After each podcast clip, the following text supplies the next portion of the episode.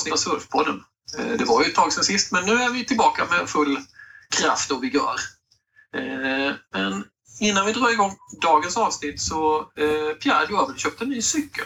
Ja, men det stämmer Kalle. Jag har köpt en Rawbike som är en blandning av en vanlig cykel, elcykel och elmoped faktiskt. Spännande!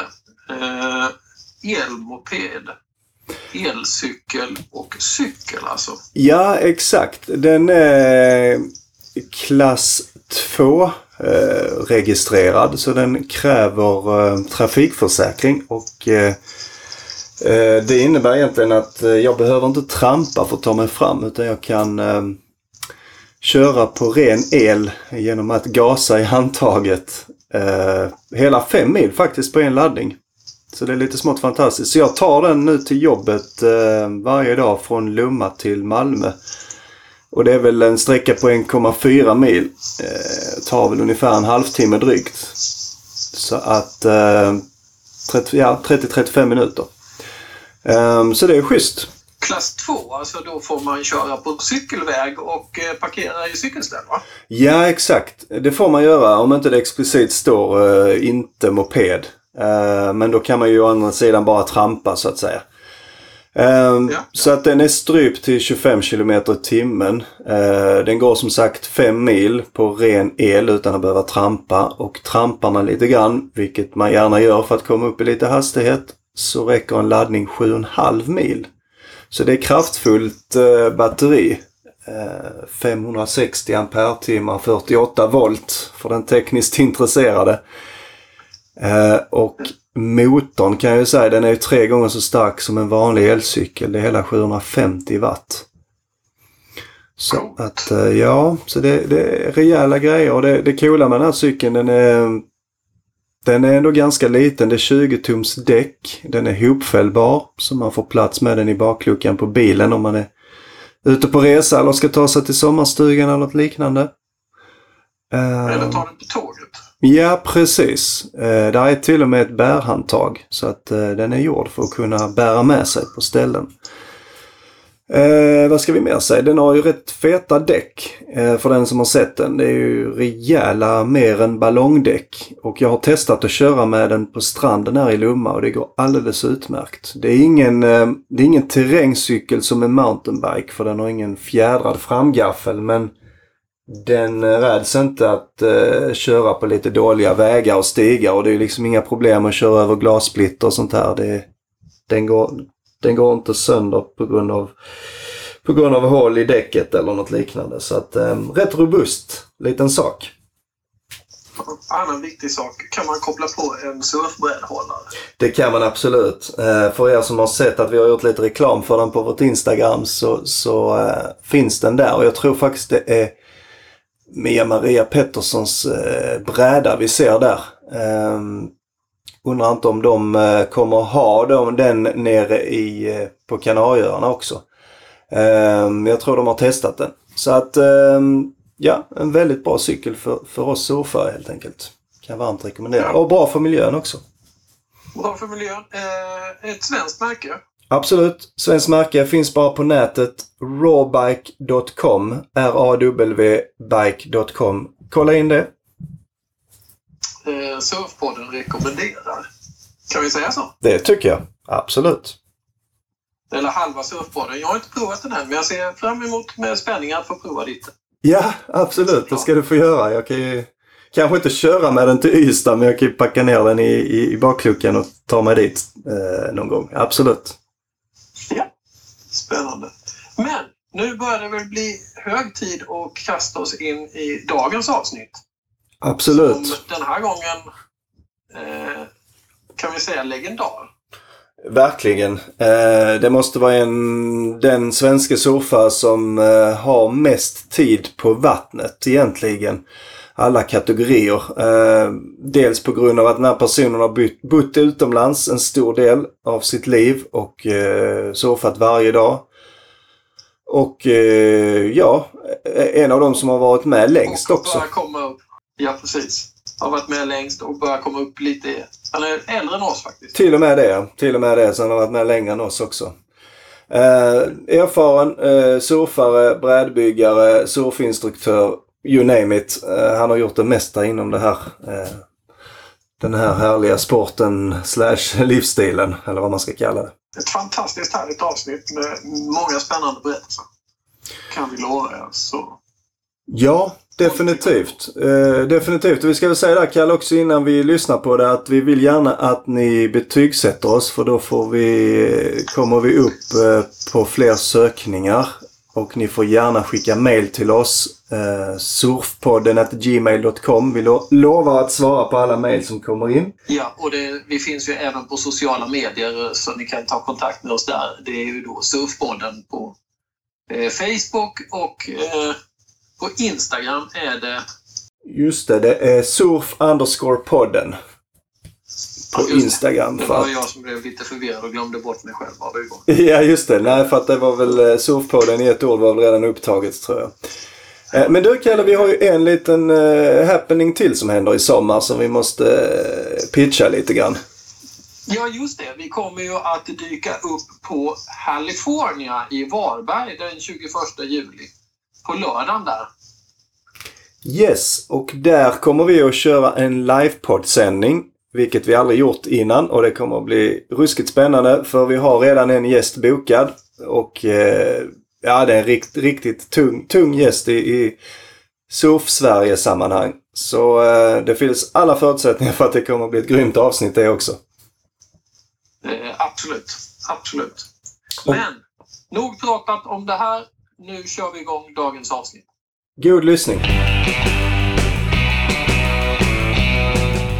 Idag har vi en herre med oss som är vitt berest, kunnig, en utav, tycker jag, Sveriges bästa surfare. Eh, trevlig, glad och härlig.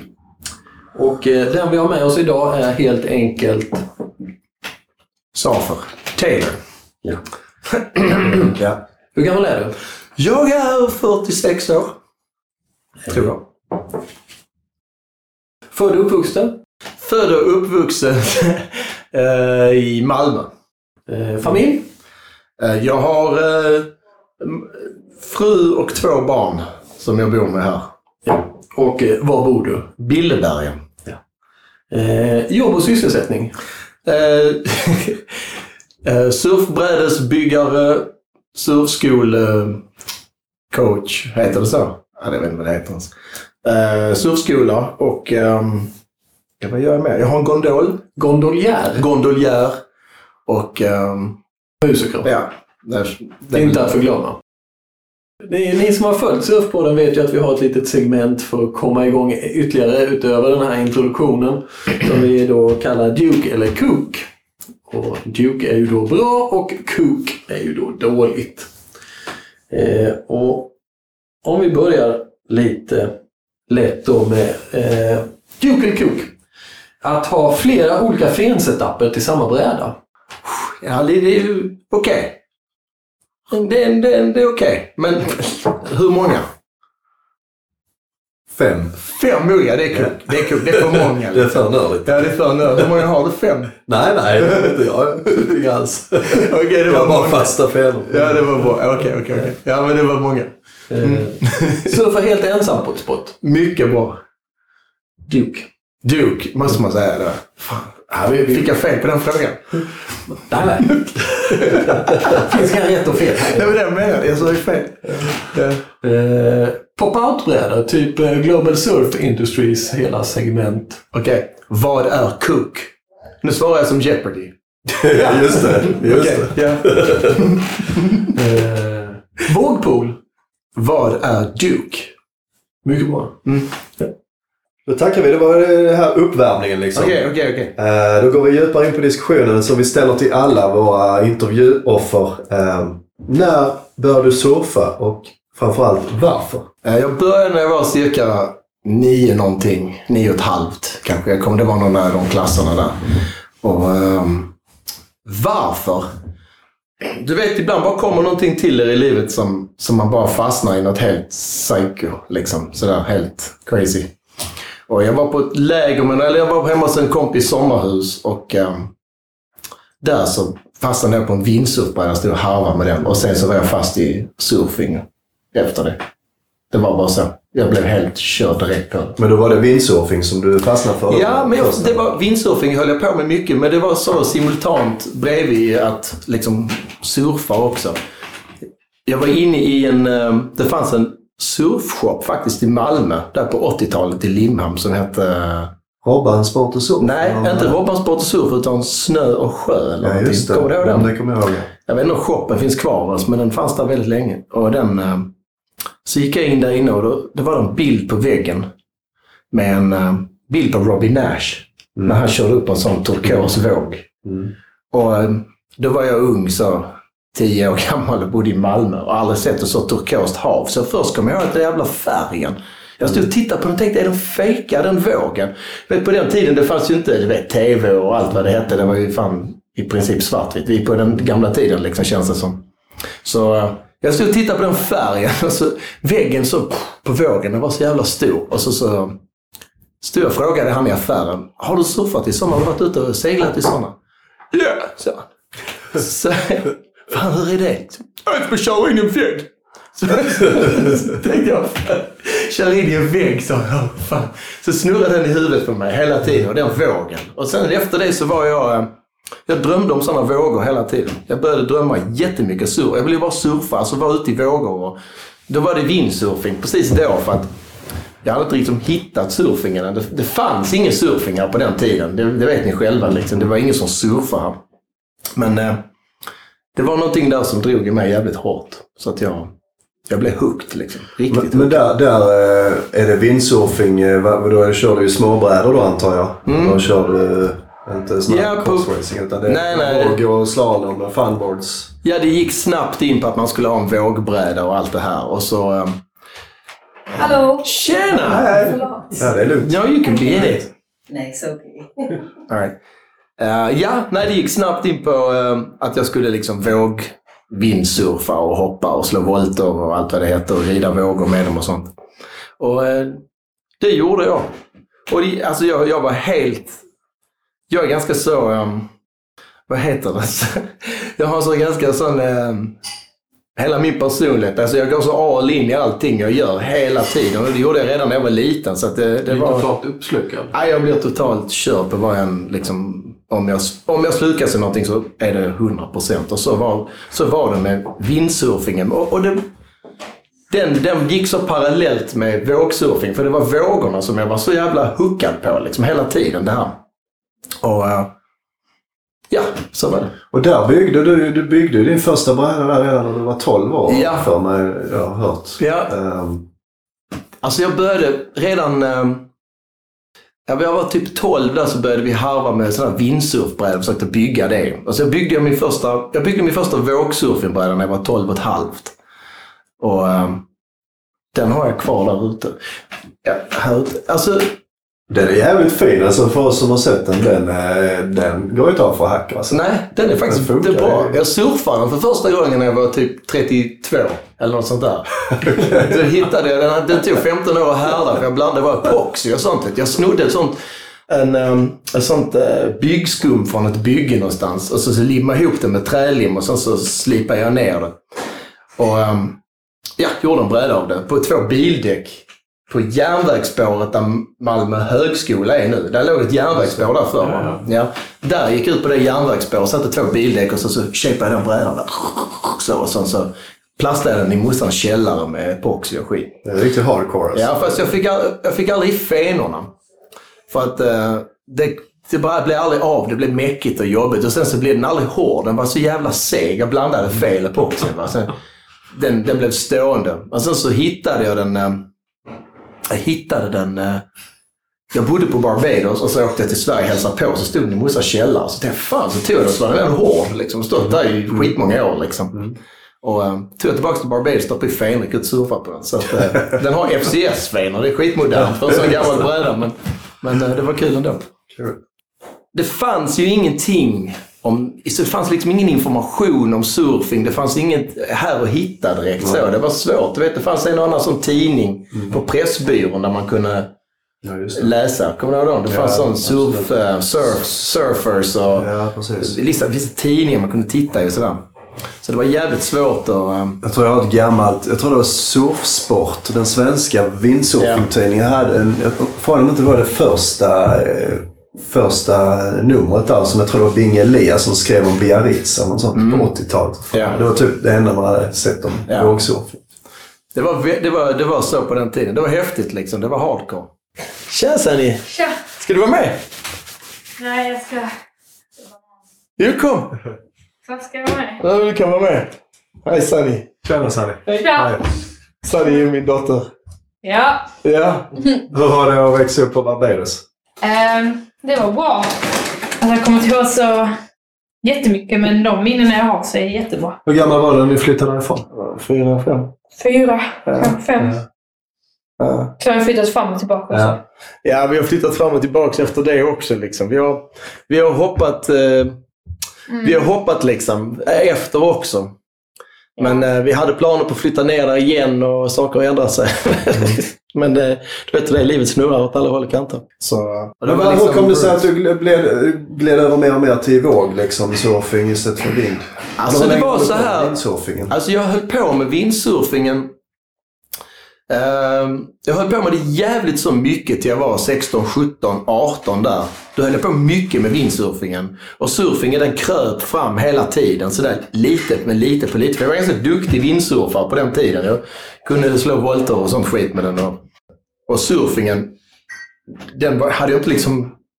hade inte riktigt kopplat det så hur man, hur man skulle vågsurfa. Men, eh, men det var där ändå. Alltså, passionen för det var där, men jag hade inte riktigt kopplat det. Så var det, Var det här i Sverige eller var, var det... det var här i Sverige och blandat och det var på Österlen. Och det var, vi när vi var små så där vi, ja, innan man hade körkort och hela den tiden då, ända från man var eh, 10, 12, 13, 14, 15, 16, 17 år. Så fick ju morsan köra och sen min bror fick körkort. Och då, då körde vi jättemycket upp i eh, vi var mycket i Borrby och vi var mycket uppe i Varberg och de här grejerna. Appelviken och sånt så fort man fick körkort. Och så mycket Skanör, Falsterbo och runt så. Men mest för windsurfingen va. Och sen så är det ju vågor, det vet ni ju. Så att, eh, Windsurfade han också? Vi, vi gjorde allt det där tillsammans. Vi vindsurfade tillsammans och vi började surfa ihop. Och, ja, jag och Tarek har gjort det tillsammans. Hela tiden. Och, eh, och vi gjorde det ihop. Vi skaffade vindsurfbräda tillsammans och vi...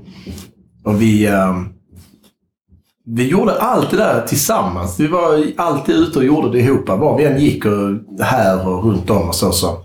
I början så var vi alltid ihop. Sen så när han eh, började han jobba mer på... Uh, Alltså han började jobba. Jag började inte jobba, men han började jobba. Och han, som hans jobb tog jävligt mycket tid. Han stannade i köket och jobbade hårt och liksom gjorde avkall hela tiden på det. Och, mm. och surfa och vindsurfa och allt det där. Så till slut så uh, jobbade han hela tiden och jag gjorde det själv. Och så började, eh, kom det in andra människor väl antar jag som jag gjorde. Men det var mycket min, min bror var, vi var, jag saknade faktiskt att vi surfade ihop fortfarande. Då, för jag fan, vi surfade, Kör, kör han någonting fortfarande? Eh, ja, det gör han väl ibland. Någon gång då och då. Men det, Är det våg, våg eller vind? Nej, vågsurfing då. Men vi började alltså vindsurfa ihop jättemycket. Det var, det var det enda vi visste då, när vi började. Men detta är ju, för fan, detta är ju jättelänge sedan. Det är på 80-talet. Ja. Och det var ju allt vi visste då. Och så, eh, så började vi också att surfa ihop. Vi åkte till Kalifornien tillsammans. Då var jag 16. Han var 18. Och han körde bilen. Och du vet, vi åkte runt, vi har, alltså vet vi fan, vi åkte runt till alla de släktingarna där i San Francisco och käkade hummus och, så och sånt hos alla. Och fy fan, jag glömmer aldrig. Vi åkte på en sån serpentinväg. Han körde och jag åkte. Fy fan vad jag mådde illa liksom. De jävla fisarna hela jävla vägen. Och så jävla mycket hummus och sån, eh, sån mat och sånt vi hade ätit hos alla släktingar. Bara satt i den bilen snurrade där på de vägarna. Fy fan. Vad är det för släkt ni har där? Det är min farsas sida. Vi har jättemycket... Jättemånga på min pappas sida bor där. Och sen som sagt, vi, vi palestinier på den sidan, så alla lagar god mat. Alla bor... Och de, så att vi åkte runt där och träffade dem. Vi hade aldrig träffat dem innan. De som bor i Amerika då när vi åkte dit. Och var vi än kom så hade de lagat så jävla mycket mat för att välkomna oss. Det, det var ganska galet. Vi, vi gjorde ett sånt skämt. Vi tänkte vi skulle du vet, så överraska vår farbror i San Francisco när vi kom dit. Han hade aldrig träffat oss så vi visste inte Ja, okej. Vem han såg ut och han visste inte vem vi var. Liksom. Så drog vi en sån riktigt svenneskämt och tänkte fan, han hade en sån, eh, vet du, sån typ en matöppet affär eller en sån convenience store där i San Francisco. Och vi gröna som vi, vi fattar ingenting och det funkar i Amerika så vi tänkte att vi låtsas vi snattar och sånt och så blir han sur och sånt tag. Jättebra idé. Vi går in där liksom och snattar så lite öppet, lite så, lite klantigt liksom och tar. Fan bara springer ut med ett jävla gevär på oss liksom. Vi hade fan blivit dödade. Han visste inte vilka ni var. Jag visste inte vilka vi var. Mannen drog fram ett skarpladdat jävla gevär bakom eh, disken och liksom sprang ut. Down on the street! Vi började skrika på och sånt och liksom tänkte Oh no, it's us, it's us, it's me, Suffer and time! Vi blev helt... Fy fan, det var skit. Jag glömmer aldrig. Vi blev helt... eh, Det var skit... eh, Ja. Han liksom, det var- funkar inte så där som det funkar här i matöppet. Nej, nej det, Det är en annan det är grej. lite annan grej. Ja, så var vi, vi var hos andra släktingar där också som bodde i, i Flint utanför Detroit. Och det var samma sak där med, det var inte sant, det var ännu värre. Fy fan, jo det var ju riktigt, det är länge sedan. Vad fan. De hade sån, Detroit är väl ganska rough. Ja. det är jätterough och de här, de, våra släktingar då bodde i jävligt rough neighborhood i Flint. Som ligger precis utanför, uh, uh, utanför Kärnan här. Ja, det är liksom det är riktigt mycket kriminalitet där faktiskt. Och eh, alla de där jävla affärerna, de har ju sån... eh, du vet en sån uh, lucka som snurrar. Du vet, det är sån plexiglas, ja, bulletproof och så du ska- nät där uppe och så under liksom counter där så är det fullt med pistoler och sånt. Alltså varenda jävla affär liksom. Mm. Så när du går in och så tar du dina varor och så lägger man och så betalar så snurrar luckan och så tar man pengar. Det är helt sjukt liksom. Yes. Så, ja, det är bara sånt. Man eh, fattar inte det när man kom härifrån. Så fattar man inte först liksom hur eh, mycket brottslighet var. Alltså. Så riktigt stört alltså. Vi körde där i stan och när någon kom fram och skulle fråga något på bilen så bara vår kusin, han bara körde direkt. Vad fan stannar du det. för? No, no, no. Never stop for nobody here. Never. Det är så liksom, de skjuter dig för dina gympaskor och... Mm. Alltså det var riktigt bad neighborhood. Ja. Ja. Men det var bra. Ja, men det var, då var vi då. Och då, när vi var där så åkte vi, var vi i San Francisco-området mycket och där började vi vågsurfa tillsammans. Och jag var ju 16. Och eh, då hade vi redan vågsurfat här och lite runt sådär på skoj. Men det var första gången vi köpte liksom riktiga vågbrädor. Och, Hur var den känslan att hoppa in i Stilla havets vågor där liksom? Och lite annat tryck kanske? det var, alltså jag, det, det var jävligt nice. Det var jävligt så... Det är nice. Det var nice. Men!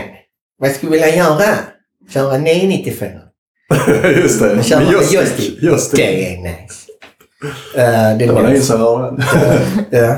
Alltså meka, pilla, serva dem, underhålla dem, köra dem. Det som är en power. Ja. Just det. Ja. Ja, det är en legend. Eh, nej men det var nice att surfa där borta också. Det var ju liksom en ny grej och med det typet av havet där borta och så med den grejen där. Men ni hade ingen känsla, alltså tanke på att stanna där liksom? Med tanke på Men vi var där ganska och- länge då. Jag kommer inte ihåg hur länge vi var där. Men vi var där ganska länge och körde omkring och träffade släktingar hit och dit. Och... Hur länge typ? Jag vet inte, jag kommer inte ihåg. Vi var där ganska länge. Vi var... Månader eller veckor? Det var nog månader. Eller veckor. Ja, Men det var, det, var liksom, det var ganska länge vi var där. Så vi var där, det var ju ett sommar. Vi hade slutat sommaren. Jag kommer inte ihåg. Det var länge i alla fall. Vi var där i alla fall länge nog. Och, alltså sådär. Jag kommer ihåg när vi åkte ner där till... Eh, vi var någonstans vid Santa Cruz. Vad fan heter det? Steamers Lane var vi på. Just det. Och det var så jävla kaxiga locals där nere, jag kommer ihåg. De skällde och sånt och höll på. Jag var 16 och Mm. grön och fattade Mm. inte hur man skulle hantera dem. Och så var det jättemycket kelp i vattnet. Och det var lite freaky. Kelp är alltså... Sjögräs. Sån ja. Bred, stor bladsjögräs. Alltså, massa sånt som när man paddlade så fastnade man i det. Så Ja, det var lite det. freaky. Kelpen där. Det, det har jag ett stort minne av. Men i alla fall, ja, så vi gjorde det jävligt mycket tillsammans. Jag, Men din brorsa, han, eh, var han inne på att köpa brädor också eller? Ja, det var något. Vi gjorde det också tillsammans Okej. i början. Vi byggde vinst... Alltså jag började... Vi började typ samtidigt. Vi var unga så jag var 12, 11, 12 och han var 13, du vet, 12, 13, 14 så här. Vi var jävligt små. Och då var det den här bommen man, man kunde... Det fanns ett ställe nere i Limhamn, det berättade jag, vet inte om jag berättade det, men det fanns ett ställe i Limhamn som han, Robban Sport och Surf, tror jag var lite inblandad i. Eller han hyrde det eller någonting, det här huset. Och så var det, det var typ en halv jävla rivningskåk. Som, eh, det var en massa rum i, precis som en kåk bara. Och det rummet hade blivit helt dedikerat till att bara bygga surfbrädor i. Så hela jävla huset stank ju polyester och, och liksom aceton och skit där inne.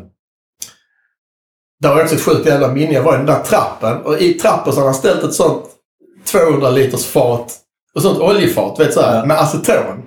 Så tänkte jag fan jag behövde aceton. Så jag, så jag tog sån aceton med, med slang där skulle suga ut den och få ner den i en dunk. Så när jag stod där så kom det någon där nere samtidigt och jag liksom blev lite distraherad och tittade ner och sånt och bara och smörde en hel sån klump med aceton.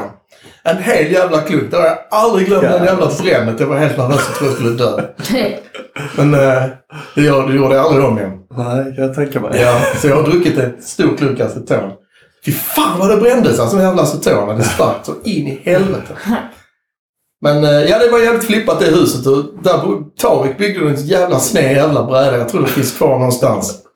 Det är den sjukaste jävla rocken jag någonsin sett. För jag har sett den nu på senare dagar också. Fan, jag hade typ 200-300 frånvarotimmar varenda jävla termin.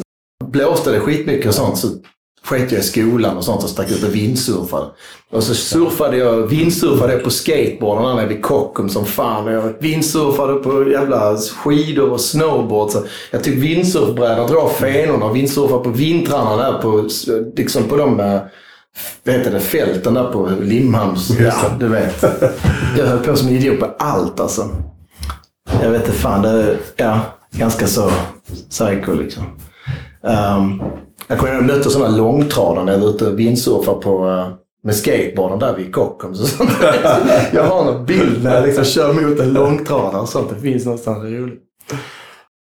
Jag sökte in på sådana här linjer som jag visste jag inte skulle komma in på för att jag ville inte gå gymnasiet.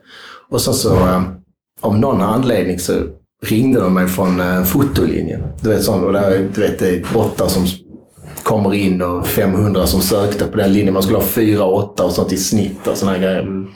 Och så ringde de mig och frågade om jag ville komma och vis- om jag hade arbetsprov och sånt. Så tänkte jag, fan ja, det har jag. För jag målar mycket liksom. Så gick jag dit och så visade jag de grejerna där och bla bla bla bla bla. Och sen så kom jag in på den linjen så tänkte jag, "Ha, ja ja, då stannar jag väl och gör det. Så att eh, jag gick i gymnasiet.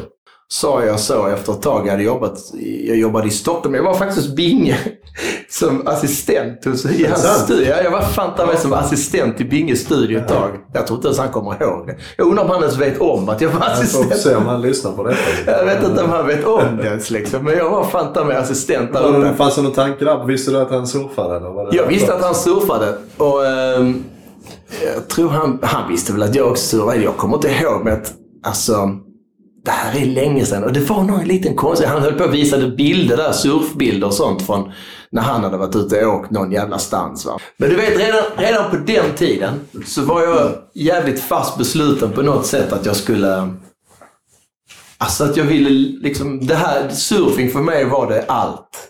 Förstår du? Alltså surfing för mig har varit hela allt. Och det är fortfarande allt för mig egentligen. Alltså om jag ska hårdra det. Det styr allt jag gör. Det styr mina tankar dag ut och dag in. Och det som hände var att efter eh, jag blev 18 där, efter skolan precis där, så fort jag blev 18 så eh, eh, jag köpte, jag hade en bil, en sån Volvo Amazon och så stack jag direkt till eh, Frankrike och så bodde jag i den där ett tag och sen så surfade jag där nere. Och då, då hade jag med vindsurfgrejer. och då stal de alla mina vindsurfprylar. Jag var nere och vågsurfade och sen så kom jag upp till bilen, lämnat allt på bilen så var hela borrvägen borta och sånt. Va? Så det hade jag också bara vågsurfbrädan. Jag blev liksom fast med vågsurfbrädan så här hela Det tiden. var kanske ett sånt ödets ironi, eller tecken Ja. att nu ska vi sluta windsurfa Ja. och satsa på vågsurfing. Det, var sånt, det kändes som det. Men är det fler? eh, Din brorsa är ju en stor del av din liksom surfuppväxt, om man ska kalla det. Ja, är det andra personer också där i... Ja, Jag vet alltså... att eh, du nämnde där Melker var en av dem också som shapeade. Alltså Melker, var med när du ja. Melker var, vi var kompisar. Melker, eh, Rybba, vi var kompisar och eh, träffades lite då och där runt och hit och dit. Och jag tror Melker var... Alltså han, det var han, jag kollade in en bräda han hade skaffat. Som han hade fått från något ställe då. Jag vet inte var han har fått den. Frankrike eller någonting han hade varit i. Och den brädan tog jag ju alla idéer och, liksom, och inspiration om hur, hur en surfbräda skulle se ut. När jag var 12 och byggde den som är där ute. Mm. Så ehm, den tittade jag på. Och så tänkte jag det är så den ska se ut kanske. Ja, ja, okej. Och så uh, fixade jag skumbitarna. Mm. Men det var roligt på den tiden. Det var så jävla, det var så jävla galet. för Det var så jävla... Vad heter det? Alltså jag tror lite också det var för att vi hade inte internet. Nej, eller hur? Man fick upptäcka rätt mycket Alltså vi grejer hade ingen Det var internet. ingen som berättade satt inte och glodde på den jävla kukdatorn hela tiden och fick såna... Alltså på den tiden, jag vet inte, jag önskar faktiskt... Nu låter jag jävligt gammal och jävligt bitter va. Men jag önskar hela det jävla internet bara fucking sprängdes. Skiten bara dog. Blackout, hela världen. Totalt. Back to stenåldern igen. Innan internet. Det var som någon sa som vi hade intervjuat. Eh, nätet har ju också gett oss mer surfdagar. Bättre prognoser och så vidare. Och så vidare Absolut. Liksom. Ehm, Men det har ju tagit bort allt... Eh, men det, visst, det finns en viss del i Du vet det- upptäckarglädjen kanske som går förlorad också. För det Ja, finns alltid det någon som har gjort det eller gjort det bättre. Liksom. Så du vet, absolut att den har gett oss mer surfdagar men det, den har ju också gett oss jävligt mycket mer crowd. Så är det. Fy fan vad mycket crowd det har blivit på grund av internet. Mm. Alltså innan det så... Jag säger inte att det, det ger ju mig också fler surfdagar. och Alla får vi fler surfdagar, absolut. Men det var ju allting liksom... Eh, hemligt för allt och alla. Mm. Det, det gick ju via en eh, djungeltrumma. Ja, det- liksom, och det, det var ju jätte... På den tiden, jag var så jävla glad när det var ju folk ute då. Mm. Så att då ville man ju att fler människor skulle börja surfa. På den Ja. tiden, det var ju aldrig en tanke Ja. om att eh, det skulle, åh det är för mycket folk att surfa skäret eller något sånt. Det var ju aldrig en tanke. Nej. Jag bara önskade att någon var där när jag kom dit. Genom många år var det så, under lång tid. Vet du, det var kallt ute och vinter och stora vågor och sånt. Fan, jag, jag kommer ihåg att stått där många gånger och tänkt, kan inte någon annan komma liksom? För att slippa ligga där ensam i den jävla kylan. Och, Ifall någonting händer eller någonting på den tiden så tänkte man så istället. När, jag minns när jag träffade dig ute där första gångerna så du var ofta ute och surfade med Anders. Ja, Anders. Absolut. Anders och jag, vi hängde jävligt mycket. Vi träffades när han Anders Ekstedt Ek- kanske jag ska precis. förtydliga. Ja, vi träffades eh, under... Eh, alltså han, vi, svarade, vi träffades på en kontaktannons. Okej. Det här får du utveckla. ja, det var ganska roligt faktiskt. Vi, eh, men det var inte en sån... Eh, det var inte en sån på Tinder. Det fanns inte Tinder då heller. Men vi träffades på en kontaktannons när han var 15. För vi letade efter en trummis till bandet.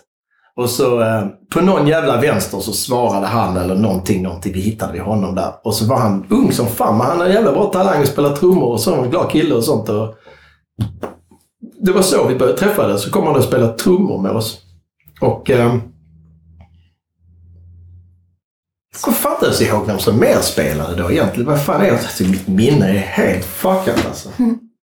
Men det var så vi träffades i alla fall. Och så blev vi kompisar där. Eller jag blev som en konstig, jag vet inte, storbror till honom. För han är ganska mycket yngre än mig. Och på den tiden var det stor skillnad när man var 25 och 15. Liksom. Du vet, eller det är det ju fortfarande liksom.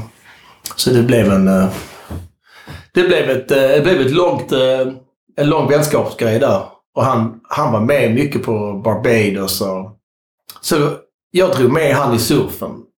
Han surfade inte alls. Han åkte skateboard när vi träffades, men han visste ingenting om surfing. Mm. Och så drog jag med han och eh, så började han också surfa. Mm. Och uh, jag kommer ihåg att han körde ut en fena på mig. På min bräda på skäret. Och du lackade ur. Jag lackade ur för jag har fortfarande, lack på det liksom. Jävla fucking idiot liksom. Nej, det är lugnt. Men eh, i alla fall. Han gjorde det. Men vi träffas inte så mycket nu längre. Nu har han familj och skaffat barn. Ja, det blev och det sånt. blev så. Ja, så, och sådär. Så vi, vi träffas inte längre. Men vi har, vi har hängt mycket genom åren och han har också surfat många av mina brädor och, och sådana där grejer. Och han, eh, han har fortfarande surfbrädor. Uh, han sa sist... eh, han kö, körde någon sån där Almeric-bräda och så sa han en bra grej till någon i vattnet hörde jag. Och så sa han, har du skaffat en sån bräda nu? Sa en sån citybräda. Jag har bytt upp mig sån. Och så, så tyckte jag var bra liksom. Så att, Ja, eh, det var. ja, Herregud. så att eh, Nu vet jag inte om du vill vara med Sanny här, men du surfar ju också en hel del har jag förstått det som. Eh, ja. Ja. Ja. Ja. Nej, då, då är det för att du, du inte har haft något val eller är det att du, du, du gillar det liksom? Eller har tjatat på pappa liksom? Eller? Nej, jag gillar det. Jag tror när jag var mindre så... Jag tror jag skrämde dig för mycket när du var liten. Ja, men jag kanske inte var lika så här... Jag hade ut henne på brädan hon var ett och ett halvt år gammal. Det kan jag tänka mig. Ja, hon var precis, hon var fan Så det gick när hon var åtta månader så tänkte jag kan du väl surfa när du vet. Liksom. Men då var du på i Barbados? Hör jag. ja. Mm. Och så kommer jag ihåg, vi åkte på longboarden där. Du var jätteliten. Vi hade dig så på... Du vet, med Ja. mig ut. Det var någon gång vi ramlade hit och dit och sånt. Jag fick ta tusen shit alltså. Att Sharon hon liksom, hon bara... Att hon bara låter mig göra allting med Man det. kanske inte känner till det då, men hör det nu om inte annat. Jo, jo. Men du, jag satte sådana flytarmar på dig. Ja. Och så surfade vi. Alltså det var fett liksom. Det var riktigt fett. Kingigt. Ja. Har du haft det med dig från början då? med andra ord? Ehm, ja, eller inte. Vad menar du? Nej, jag bara tänkte det är inte så många som har börjat i så tidig ålder. Liksom. Nej, men alltså jag... Men, eh, Ja, han hade ju med mig ut så när jag var mindre, men sen med tiden... Jag tror att jag skrämde dig lite när du var så liten. Ett och Ja, jag kommer inte ihåg hur jag var när jag var... Ja, men det var ett tag som jag tror att du var lite så... Nu slurfar Jag du hela tiden. jag men jag tror att, vet, som man pushar sina... Alltså, jag tror jag var lite för brutal med henne Jag kommer liten. ihåg lite från det. Att jag var typ eh, lite rädd för Ja. att vågen kom till mig. nu när jag tänker efter. Så. Ja, ja, man ska inte göra så. Ni som Nej, men det var göra- roligt. Det var bara att jag blev rädd när vågen kom. Ja, men det är ju för att jag misshandlade dig vågorna när du var så liten. Liksom. Fan, jag fattar du? Vet inte ens vad som hände nu. Du, vet, man, du har bara något så traumatiskt minne bak att du är rädd för det här. Jag liksom. kommer ihåg en sak specifik. När vi gick ut så i vattnet, det var i Barbados. Ja. Jag kommer inte ihåg hur gammal jag var. Tre, två. Och så kommer jag ihåg att vi gick så och så kom det en våg. Jag bara Bäbä! Så bara, nej det gör inget. Så kom det- en jättestor stor. Så, så, Jag gör inget. Så. Ja. nej men jag kommer bara ihåg det. Jag tyckte, den kom, det kommer jag Men det, annars var det roligt. Men eh, ja. Det är lite roligt så vet hur man är med andra unga. Jag är i surfskolan. och så där, där är jag ju liksom jättemån om det. att ingen ska liksom skada sig. Och verkligen, säger jag lär ut det också att man ska inte pusha det för mycket när de är för små. Låt det komma liksom så. Va? Var inte för brutal Ja. så för man kan skrämma dem och sånt. Vilken jävla fucking... leva som man lär. Ja, lev som du lär motherfucker liksom. Det gör jag inte. Det är bra. Jag Jag vet. roliga min, dagar och minnen. Ja. Men någonstans så har det... Alltså nu fegar du inte längre. Nej, alltså jag har ju... Med tiden har jag ju Mm. tyckt om det mer och mer. Nu Ja. gillar jag det jättemycket. King. Nice. Men eh, du har inte bygger brädor och sånt? Nej, där jag tittar på. Ja. Jag Jag tycker, städar. tycker det är tråkigt att gå ut i verkstaden med mig. Liksom. Ja, ja. Men hon gör, du gör det ändå ibland. Ja, ja, det är kul att titta på. Ingen annan som vill följa med mig ut. Men jag tycker det är roligt att titta på när du målar och sånt. Ja. Jag tycker det är s- roligt att se. Men jag, Men jag vill ju att-. Jag vill ju att de ska ta över Ja. till legacy där ute. Exakt, Med surfback exakt. och shapea Ja, som det är ingen klart. som vill. Vadå ingen som vill? Nej, men ni vill ju fan inte gå ut där och liksom shapea och sånt. Lucky måste ju ta över det också. Ja, ja, ja. Jag ska fan gå på. Nej, men det gör ni. Du, gör, du kommer faktiskt ut och hänger jättemycket. Ja, och jag har, jag har försökt bygga brädor med Ja, dig. det Ja, jag har sagt, kan inte jag få bygga en bräda och sånt? Du bara, ja, vänta ska jag göra färdigt denna. Aha. Vi kommer inte ihåg, vi skulle göra min bräda tillsammans. Ja, just det. Men du gjorde väl någonting med den? Ja, jag försökte sli, så fila den. Blev det bra? Nej, jag vet inte, kommer du inte ihåg? jag kommer inte ihåg. Jag vet inte, det i jävla plasten. Jag kommer inte ihåg någonting längre. Kolla. Det är den dimman där ute. Du sa att det luktar gott. Det här är vad som händer efter 30 år Vi, med den gjorde, vi jävla skulle göra plasten. min bräda, du vet min rosa och blåa bräda. Så var vi där ute, så sa du, så gav du mig en maskin när man karvar ut den ur från eh, blanket. Ja, så gjorde du en sån sned. Ja, För att bladet böjde sig så du skar den jättesnett. inte så snett. Jo, det var därför jag fick göra den lite smalare. Ja, men det blev den. skitbra. Ja, precis. Det är den brädan du har där ute ju. Ja. Den är så jävla fucking magic den Ja, men brädan. var det inte den du berättade? Den du såg framför lite. själv istället? Liksom? Ja, den är så jävla bra den Ja. brädan. Vänta lite. Ja. Sharon. Hi Sharon. How was church? How, how was the church? The good Lord was there?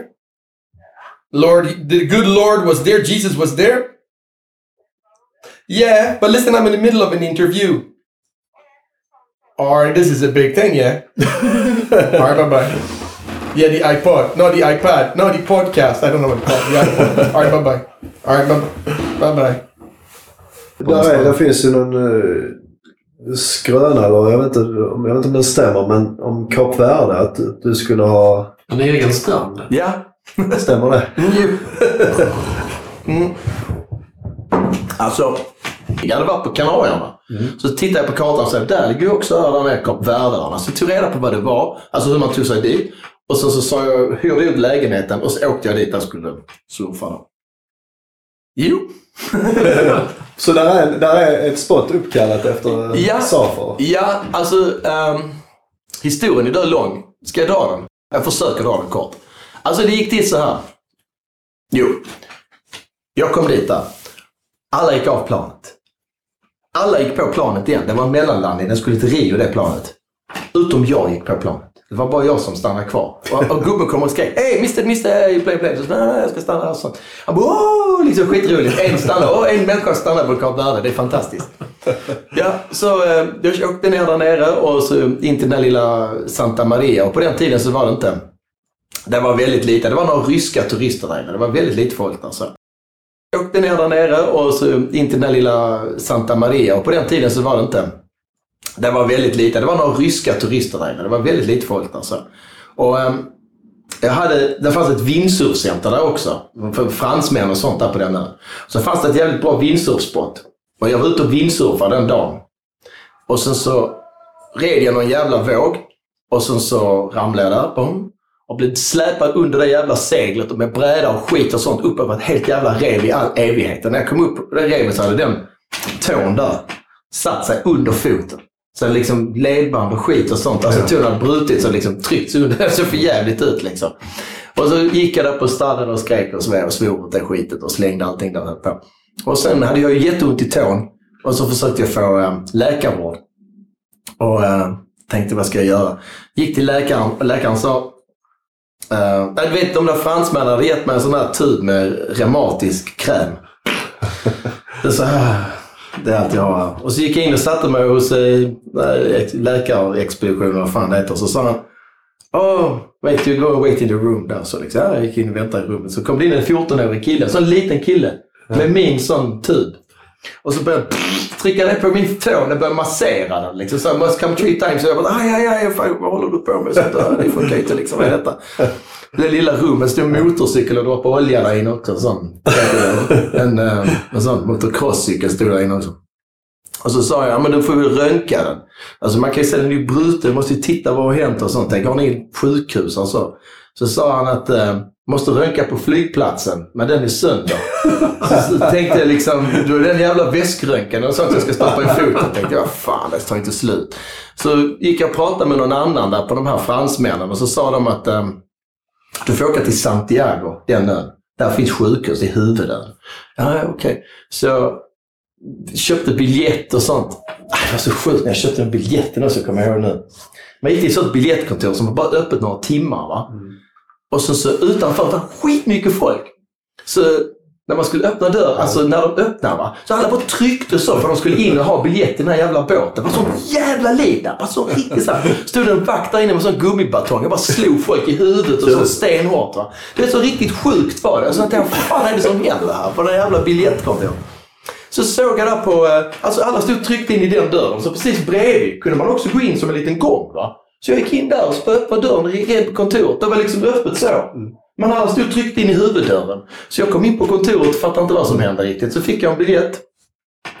Och folk tittade jättesurt på mig. Så tänkte jag, fattar inte. Jag vet, inte hur jag hamnade. Jag såg väl annorlunda vit liksom. Så varsågod liksom. Jag vet inte, men det gick bra i alla fall. Jag köpte en sån biljett. Gick upp på den där båten och så tänkte jag, oh fan vad skönt.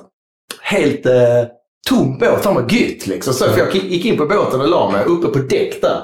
La mig och gått i en sovsäck så och tänkte, fan det är skitnice. Och så... Eh, fan den där stod och knakade jättefort. Så när jag, så när jag eh, så somnade jag där lite, sen när jag vaknade så bara ligger någon jävla skitnära mitt huvud så. Tittar mig rätt i ansiktet så. Alltså så svinnära så. Ligger en kärring där. Och då var båten helt packad med folk. Alltså sjukt mycket människor på båten. Överallt. Och sen gick den båten iväg då så tog det nog, ja, jag kommer inte ihåg, det tog ett par dygn man åkte där ute. Eller Det var, jag kommer inte ihåg hur länge det var, men det var länge. Och folk spydde så in i helvete. Det var bara, folk bara spydde överallt och sånt liksom. Ja. Det var helt sjukt alltså. Och så... Eh, jag kommer ihåg man spydde, man såg hajar och sånt där. Det var jävligt häftigt där längs båt. Man såg mycket haj där och sånt på den resan. Eh, i alla fall, så jag kom fram och sen när båten kom fram, samma sak. De skulle precis lägga till kajen så. Och så precis innan de liksom la till och kastade eh, förtöjningar och så, så bara började folk hoppa och sånt. Och samma sak. Liksom. Och likadant när de skulle gå på båten så stod de och tryckte på den jävla landgången. Så den, du vet, den rullade med vågorna. Va? Alltså folk klämde fötter och blod och sånt skit överallt. Det var helt galet varje gång där. Det var så riktigt bara kaos alltid. Så kom jag in på den här ön. Och så den jävla ön där inne då. Då sa de... Eh, jag, träffade en kille i stan när jag gick där inne. Och eh, han var från American Peace Corps och så sa jag till honom, han tittade på mig och tittade på mig, vi var två vita så liksom där. Och Det var någon som sa, ah, hello, hello. Och så liksom, oh, where are you from? Och så sa jag, berättade jag vad jag var där. Så sa jag, ska jag gå till huvudet? Ah, no, don't go there man. You, you, you're gonna come out worse than when you get in. Och sånt. Så, ah, fuck det, liksom, det är livsfarligt att gå in på sjukhus. Så tänkte jag, ja det är det kanske, så som att har varit. Så han gav mig bara massa sådana smärtstillare, så lät jag det vara. Så tänkte jag, okej. Och då åkte jag till norr på den ön, längst upp i norr. Och ehm, ja, tejpat tån, drack massa vin, röka lite gräs och sånt. Jag Höll smärtan i, höll smärtan i, liksom, i schack. Va? Och så var jag högst upp där uppe på ön. Och eh, då eh, gick jag omkring med min surfbräda. Och så när jag var högst upp i en ö som heter Tarrafal, där den lilla byn, så bara kom det några killar. Och bara äh, men, så skrek på mig för att jag hade surfbrädan. Liksom. Så, och då visade det sig att de killarna hade fått lite brädor av Rip Curl-gänget The Search året innan.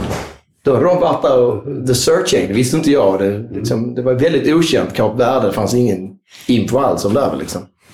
Och, eh, så de hade fått lite brädor och lite sånt skit av dem när de hade varit där. Och så fick jag bo hos de unga killarnas familj, hemma hos dem. Och eh, så var det en dag jag var där ganska länge där uppe på den. Det var flera månader där, på den, där uppe i den byn. Och du fixade inte tån utan den... Nej, den har läkte liksom, så. eh, Det blev, du ser. Den Ja, vi ser att den är rätt sned där. Ja, du ser, precis. det är stortån där. Ja, gud ja. Ja. ja. Safar visar upp sin tå här. Ja, Ja. den är fortfarande så sned. Den är sned. Det blev, de opererade den liksom skitlångt senare men det blev aldrig bra. Liksom. Nej. Skit i det, liksom. funkar bra. Det är inte så jävla farligt. Men, men i alla fall, de, eh, så var det en dag jag skulle ner och göra något i, i huvudstaden där. Och då hade vi, de visade ju mig en massa bra ställen man kunde surfa som de The Search-killarna hade ju varit där och hittat vågor då och visat om det här revet och bla bla bla. Och, ehm, så åkte jag, jag, jag tog bussen och skulle ner till stan igen. Så jag gick upp i bergen. När bussen körde upp i bergen så kunde jag se ner och så ner där nere. Så bara såg jag en sån jävla pilande point. Så jag hoppade av bussen och bara tittade på den vågen och sa wow, den måste vi surfa. Och tog mig tillbaks till eh, huset där de bodde. Så hej grabbar, vi måste ut och surfa. Där finns en våg där borta. Ja, vadå, vadå, vadå, så liksom. Och då eh, förklarade jag så där, där borta. Och så började vi gå genom buskar och skit och gick skitlänge, säkert ett par timmar innan vi kom fram där genom buskar och sånt mög liksom. Jättelångt ut genom ett jävla ödemark liksom. Och där var vågen. Mycket riktigt en pilande jävla lång jävla våg där ute. Eh, jag har ett foto på den. Har det? Ja, pausa två sekunder ska jag visa ett foto på den. Ja. Det, är, det är en fjuttig, fjuttig bild, men du vet det här är på 1992. Liksom. Ja. Det här är den vågen. Gud.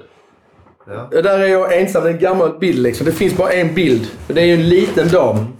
Men eh, Kan vi fota den och ha den på... jag får inte outa den bara. Det är väl det du håller på med? Nej, jag outar inte den är. Det är inte koordinater och sånt. Ehm, det var, du vet, det är ena dagen där. Och då, då hade, vi surfade i flera dagar. Det här är för några dagar senare, så det är ganska smått på den bilden. Men det var en lång, lång, lång våg. Den bara pilade skitlänge, den här jävla vågen. Uh, ja, det var riktigt nice litet spot alltså. Den pilade lång höger som bara gick och gick och gick och gick. Ja, och så i alla fall så fortsatte vi. och åkte dit om och om och om igen. Och surfade och vi var där och alla de grabbarna som surfade med mig sa ah, Zaffa Beach, Zaffa Beach! Liksom så. Skitroligt för de hittat ett nytt eh, surfställe va. Så, ja. Mm. Och så var det en dag när vi, vi var i, eh, i huvudstaden liksom. Ja. Och då gick de in, för att du vet det stod, alltså grejen är så att det gick massa lastbilar hittade vi som körde ner och hämtade sand där nere, sån svart sand. Och det stod massa folk och tittade på det hela tiden. Det blev en sån, eh, wow. De har aldrig sett någon liksom surfa riktigt. Det vet, det var precis som wow, där har vi något att titta på. Ja. Där fanns fan ingen TV på den jävla... Det fanns en TV i byn, där uppe på den tiden. En TV. Och så satt det liksom folk härifrån bort till, du vet som en biograf. Så långt bort och tittade på sån eh, portugisisk såpopera så på kvällen. Man hörde ingenting och det var långt, långt bort där en liten TV. Det vet, fanns ingenting där. Så när detta... Wow, vad gör han liksom? Det var verkligen en sån grej. Så att, eh, I alla fall skitsamma. Då gick vi in på ett sånt litet konstigt stadskontor eller vad det heter. Kanske något sånt. Och så skrev de in det i Zafra Beach i någon sån stor jävla offentlig bok. Ja. Med någon koordinator där och vad det var. Detta här Så nu finns det dokumenterat här Det finns där, det kan- Lantmäteriet eller vad det heter. Någonting sånt ja. Ja. Någonstans där gör det väl det. Jag tänker den kanske är som den uh, Norra Black i Mölle. Alltså man måste nog ha något det. detaljerat för att liksom fatta vad det är. Men det är nog i den... eh, Men det finns i alla fall. den finns där. Liksom. Ja, Ja, det är coolt. Ja, det, jag tyckte det var jävligt stort tills jag fick... Eh, barnen fick avlösa den storyn. Ja. Efter det så kom jag tillbaks och sen eh, åkte jag faktiskt till Barbados. Just det. För det är det man förknippar dig rätt mycket med. Ja. Barbados. Så det är där du träffade din nuvarande fru Ja. också. Det var, var så här, när jag, jag gjorde så här, när jag kom tillbaka från Kap Verde, då öppnade jag faktiskt en shape-lokal i Vintria. Titta här är en bild på mig och här är en bild på mig, Tag och Melker. Wow. Ja. I, i shape-lokal. Här, här är den lokalen jag hade. Så jag hade faktiskt en riktig shape-studio i, i gång. Och då tänkte jag så, fan, jag ska fan leva på att bygga brädor på någon vänster så ska jag... Vi kollar på lite gamla bilder här. Här har du ju, Safar, du har ju din logga som ett Z här då givetvis. Du, den loggan- har ju utvecklats lite annorlunda sedan dess. Ja, jag har haft den Z, ZT är det liksom. Z och det. T samtidigt. Såklart, ja. Den gjorde jag när jag var typ 10 år gammal, så Ja. den är kvar liksom. Det är old school. Mm. Original. Jag hade riktigt bra sånt uh, shape-rum liksom med utsug och grejer och allt möjligt. Är det innan Barbados då eller? Ja. Mm. Detta är, detta är, denna grejen är så här. Det här är samtidigt som när jag flyttade till Barbados. För att jag åkte till Barbados, det hade den här lokalen. Och eh, när jag Ja, för du var hemma på vintrarna och sålde julgranar Ja. på David Hall för mig. Ja, jag var så Ja. flippad. Jag, jag, åkte, alltså jag har varit så överallt. Jag, under den här tiden nu så har jag rest liksom 20 gånger till som vi har inte pratat om nu. Liksom. Jag reste hela tiden och var bara överallt och höll på. Liksom, så. Tusen järn i elden, det har jag fortfarande också. men, men jag åkte till Barbados här nu. Och sen när jag åkte till Barbados så ehm, då liksom, jag lämnade bara Sverige. Jag bara, jag bara lämnade det. Jag hade lägenhet och allt möjligt. Men jag, jag, jag bara lämnade det och så åkte jag till Barbados. Hur Och, kom det eh, sig att det blev Barbados? det var några andra som skulle dela ett hus där och så. Eller någon surfare här som frågade om jag ville åka med och pitcha in i ett hus och bo där på Barbados. Jag tänkte jag skulle åka någonstans och surfa, jag visste inte riktigt var. Och så bara Barbados, ja kan man väl göra Barbados, låter väl bra liksom. Så det var liksom ingen, det var ingen sån bigger grej liksom. Men jag åkte dit och eh, Barbados blev mitt hem. Så enkelt. Men du åkte dit egentligen för bara semestern? Ja. Så blev det så att du Jag åkte dit och stannade? tänkte jag skulle stanna två veckor Ja. eller tre veckor, fyra veckor. Så skulle jag till Australien. Min bror hade åkt till Australien. Och jag tänkte, det, och grejen är att när jag kom dit först så hamnade jag tydligen på alla de sämsta jävla gatorna man kunde hamna på på Barbados. Jag var i slagsmål, jag blev rånad. Det var allting första veckan. Det var helt sjukt liksom. Bara så, vad fan är det för jävla ställe jag hamnade på? Men eh, det visade sig sen att jag har ju lyckats att jag hade ju lyckats liksom verkligen plocka ut det sämsta direkt vad jag kunde av det stället. För att eh, det blev ju bara bättre och bättre. Men du vet, jag har varit så rotlös. Jag var så... Alltså jag har, i Sverige så hade jag... Jag har alltid haft sån sjuk ångest om jag skulle gått och köpt en video eller något sånt i tvn eller köpt en ny eh, grej att ha på väggen. Alltså allt som fick mig att rota mig här i Sverige Mm. fick bara sån ångestkänsla i mig hela tiden. Hela mitt liv har varit så. Mm. Jag ville flytta härifrån ända sedan jag var... Eh, ända sedan jag såg de vågorna på den bilden. Va? Så har jag velat till tropikerna och till, till eh, det. Jag, jag, jag är helt fel här egentligen. Totalt fucking fel. Och när du kom till Barbados, då, förutom den här veckan du fick, så kände du att Andra veckan måste ha varit rätt bra. Andra veckan var bättre. Jag träffade, jag träffade ju Sharon. Hon är ju fortfarande hon är där uppe nu. Liksom. Vi, har ju varit, vi har varit gifta nu i över, över 22 år. Jo, men vad som hände var att du vet, på Barbados så liksom... Jag fastnade där och jag kunde plötsligt börja leva så som jag kände att så här är jag nog mer ämnad att leva. Liksom. Väldigt oortodoxt. Så där borta så har jag liksom levt fristående, kan man säga så? Alltså jag har Ja, gjort jag precis det. det jag har gjort. Jag, jag byggde ett skjul med... Jag tog en gammal säng, jag slog sönder den och tog de träbitarna och så byggde jag ett tak med galvaniserat där bak i ett hus som vi lånade. Som tillhör till min frus familj. Nej men du vet så, ibland så hittar man, man hittar sitt hem liksom. Och hittar sitt, eh, hittar sin liksom sin plats. sin plats lite. Va? Och ehm, det landade mycket där för mig. Jag byggde, den här, jag byggde det där taket, så började jag reparera brädor väldigt snabbt. Det gjorde jag bara direkt efter någon Jag, höll, jag hade ju shape-studio här. Va?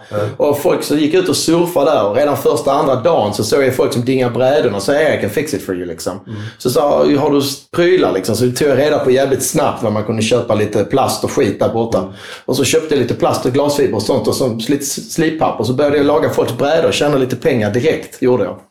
Och, och så började jag det här. Och det spreds fort ryktet att Safar han lagar jävligt bra och så bla bla bla. Jag registrerade mitt företag så att jag är, jag är som en registrerad eh, local manufacturer på Barbados. Och, eh, Precis, jag har sett lite, det har klippts upp en film om dig här Safar ju. Som uh, Sunny håller på och klipper ihop. Ja. Eh, som handlar egentligen om, eh, Ja. Väldigt fint sen. om din, eh, din karriär framförallt uh, från Barbados men också från Sverige här med hela din shaping-bakgrund liksom. Ja. Eh, och där klipper du, det är Ja. material du håller på och klipper Sunny. Ja, vi sitter, jag och pappa tillsammans och försöker eh, Pussla ihop. pyssla ihop en Mm. liten film om City Surfboards. En dokumentär kan man egentligen säga va? ja, alltså typ eh, en liten film som man fattar, eller så att liksom, som presenterar City Surfboards och liksom förklarar vem City Surfboards och vem Saf, Saffer, Saffer Taylor. Ja precis. En, en, berätt, berättande vem pappa är. dokumentär. Ja. Va? Precis, en berättande Ja, dokumentär ja precis. egentligen. Som, ja. som liksom City Surfboards. Exakt. Men, och där är ju mycket gamla legender från eh, Barbados bland annat ni har intervjuat. Ja, Ja, inte vi. inte vi, men också. jag... Det blev lite konstigt. Ja just det, Det gick lite snett, allting. det gjorde det. Ja, så nu får vi eh, nu försöka rädda vad som kan räddas kan. Precis. På någon vänster. Ja. Ja, försöker göra Vi gör pyttipanna av gammal, gammal mat. Men du såg lite, vad tycker du om det du såg? ja, jag tyckte det var grymt. Det var, Alltså, fick du en eh, bra vibb, Det liksom? var en bra vibb. Det var lite gamla legender där som snackade om, eh, om dig där Safar i kombination med, med lite klipp. Eh, rena surfklipp. Så en blandning av intervju, surfing eh, och så en mix av rätt skön eh, vibe på musiken där. Eh, så att man blir sugen på att se mer. Jag såg bara några minuter där men man vill se mer. Alltså det, är- det är svårt. Det var både surf i Barbados och Mölle och Ja. skär, skäret och lite annat. Ibland känns det som att det- man, man, jag vill... Alltså det är svårt. Vet, man vill, på något sätt vill man eh, kanske... Jag tror lite att jag behöver göra den.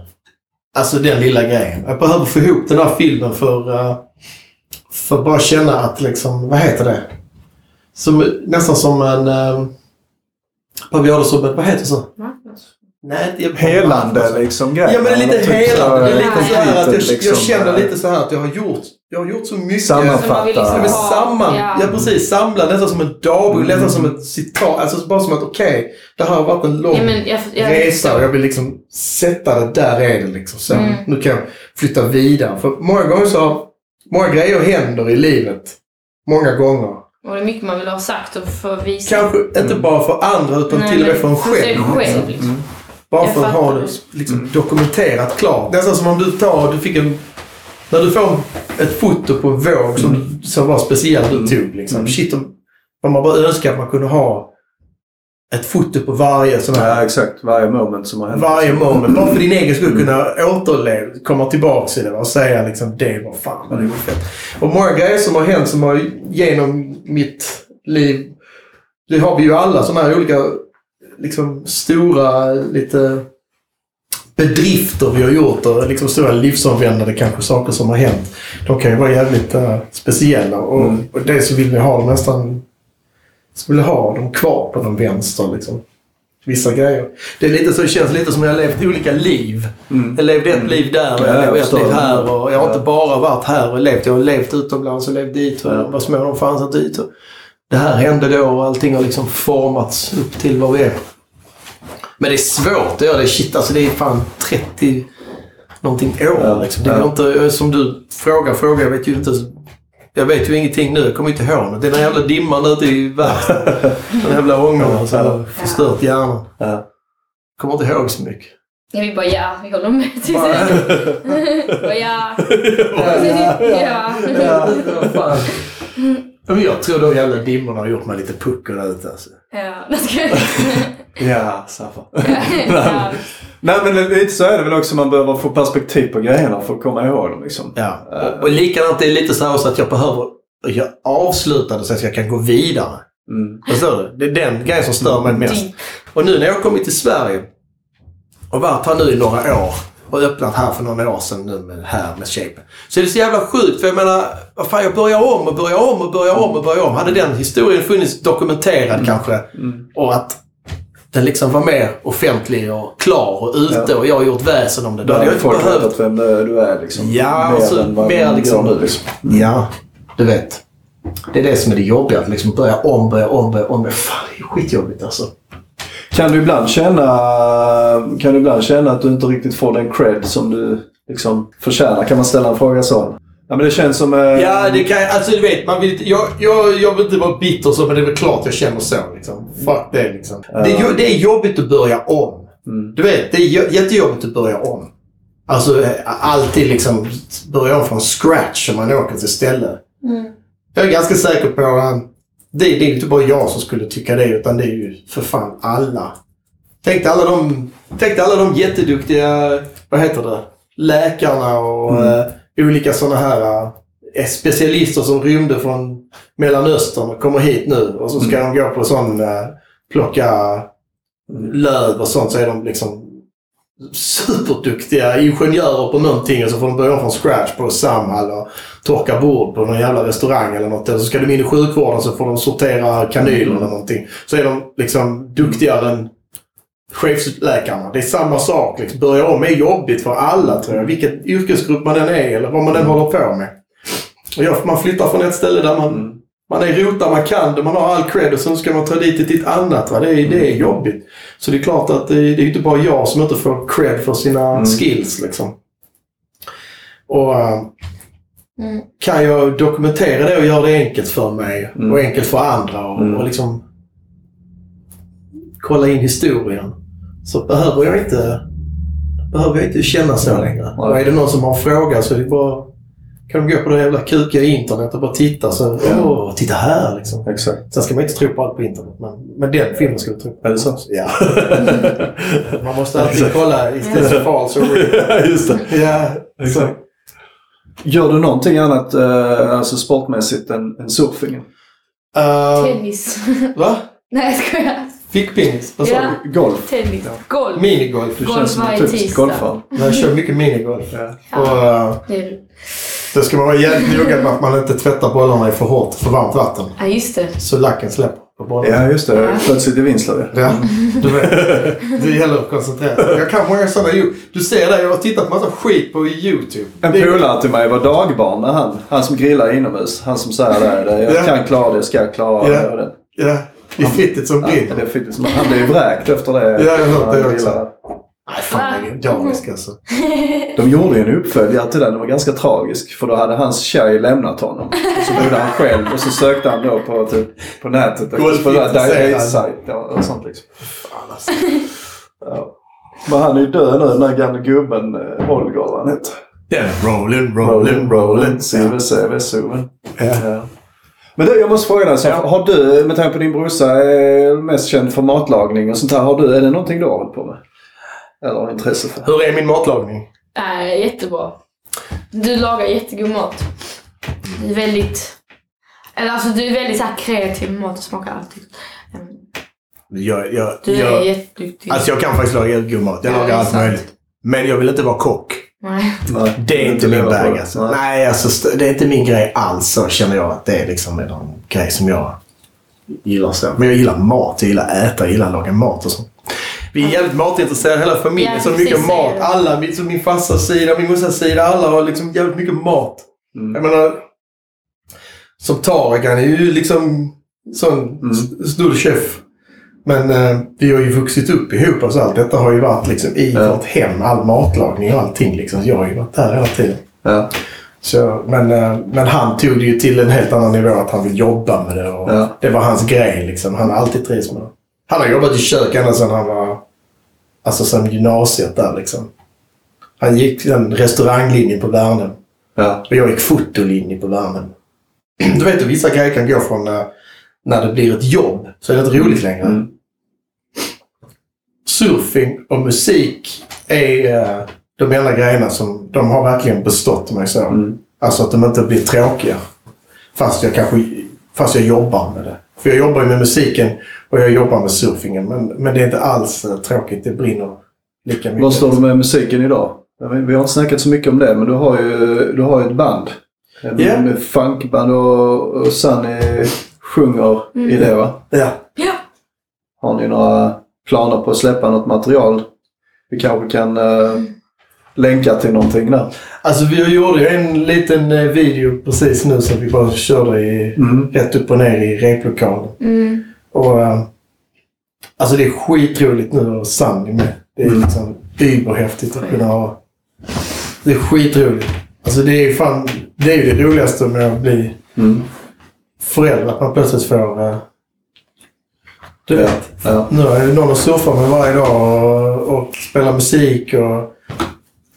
Liksom, Ja, det är coolt. Det, det är skithäftigt. Båda två är skitroliga. Och du, du, förutom att sjunga så spelar du gitarr va? Ja. Eller du spelar mest, mesta instrumenten eller är det... Ja, alltså, Hur det, många är ni i bandet? tre, vi är trio plus uh, Sanny. Vi är fyra stycken. Ja. Så som det är liksom. Vi, vi Har ni spelar i elgitarr, bas, trummor, eh, munspel. munspel?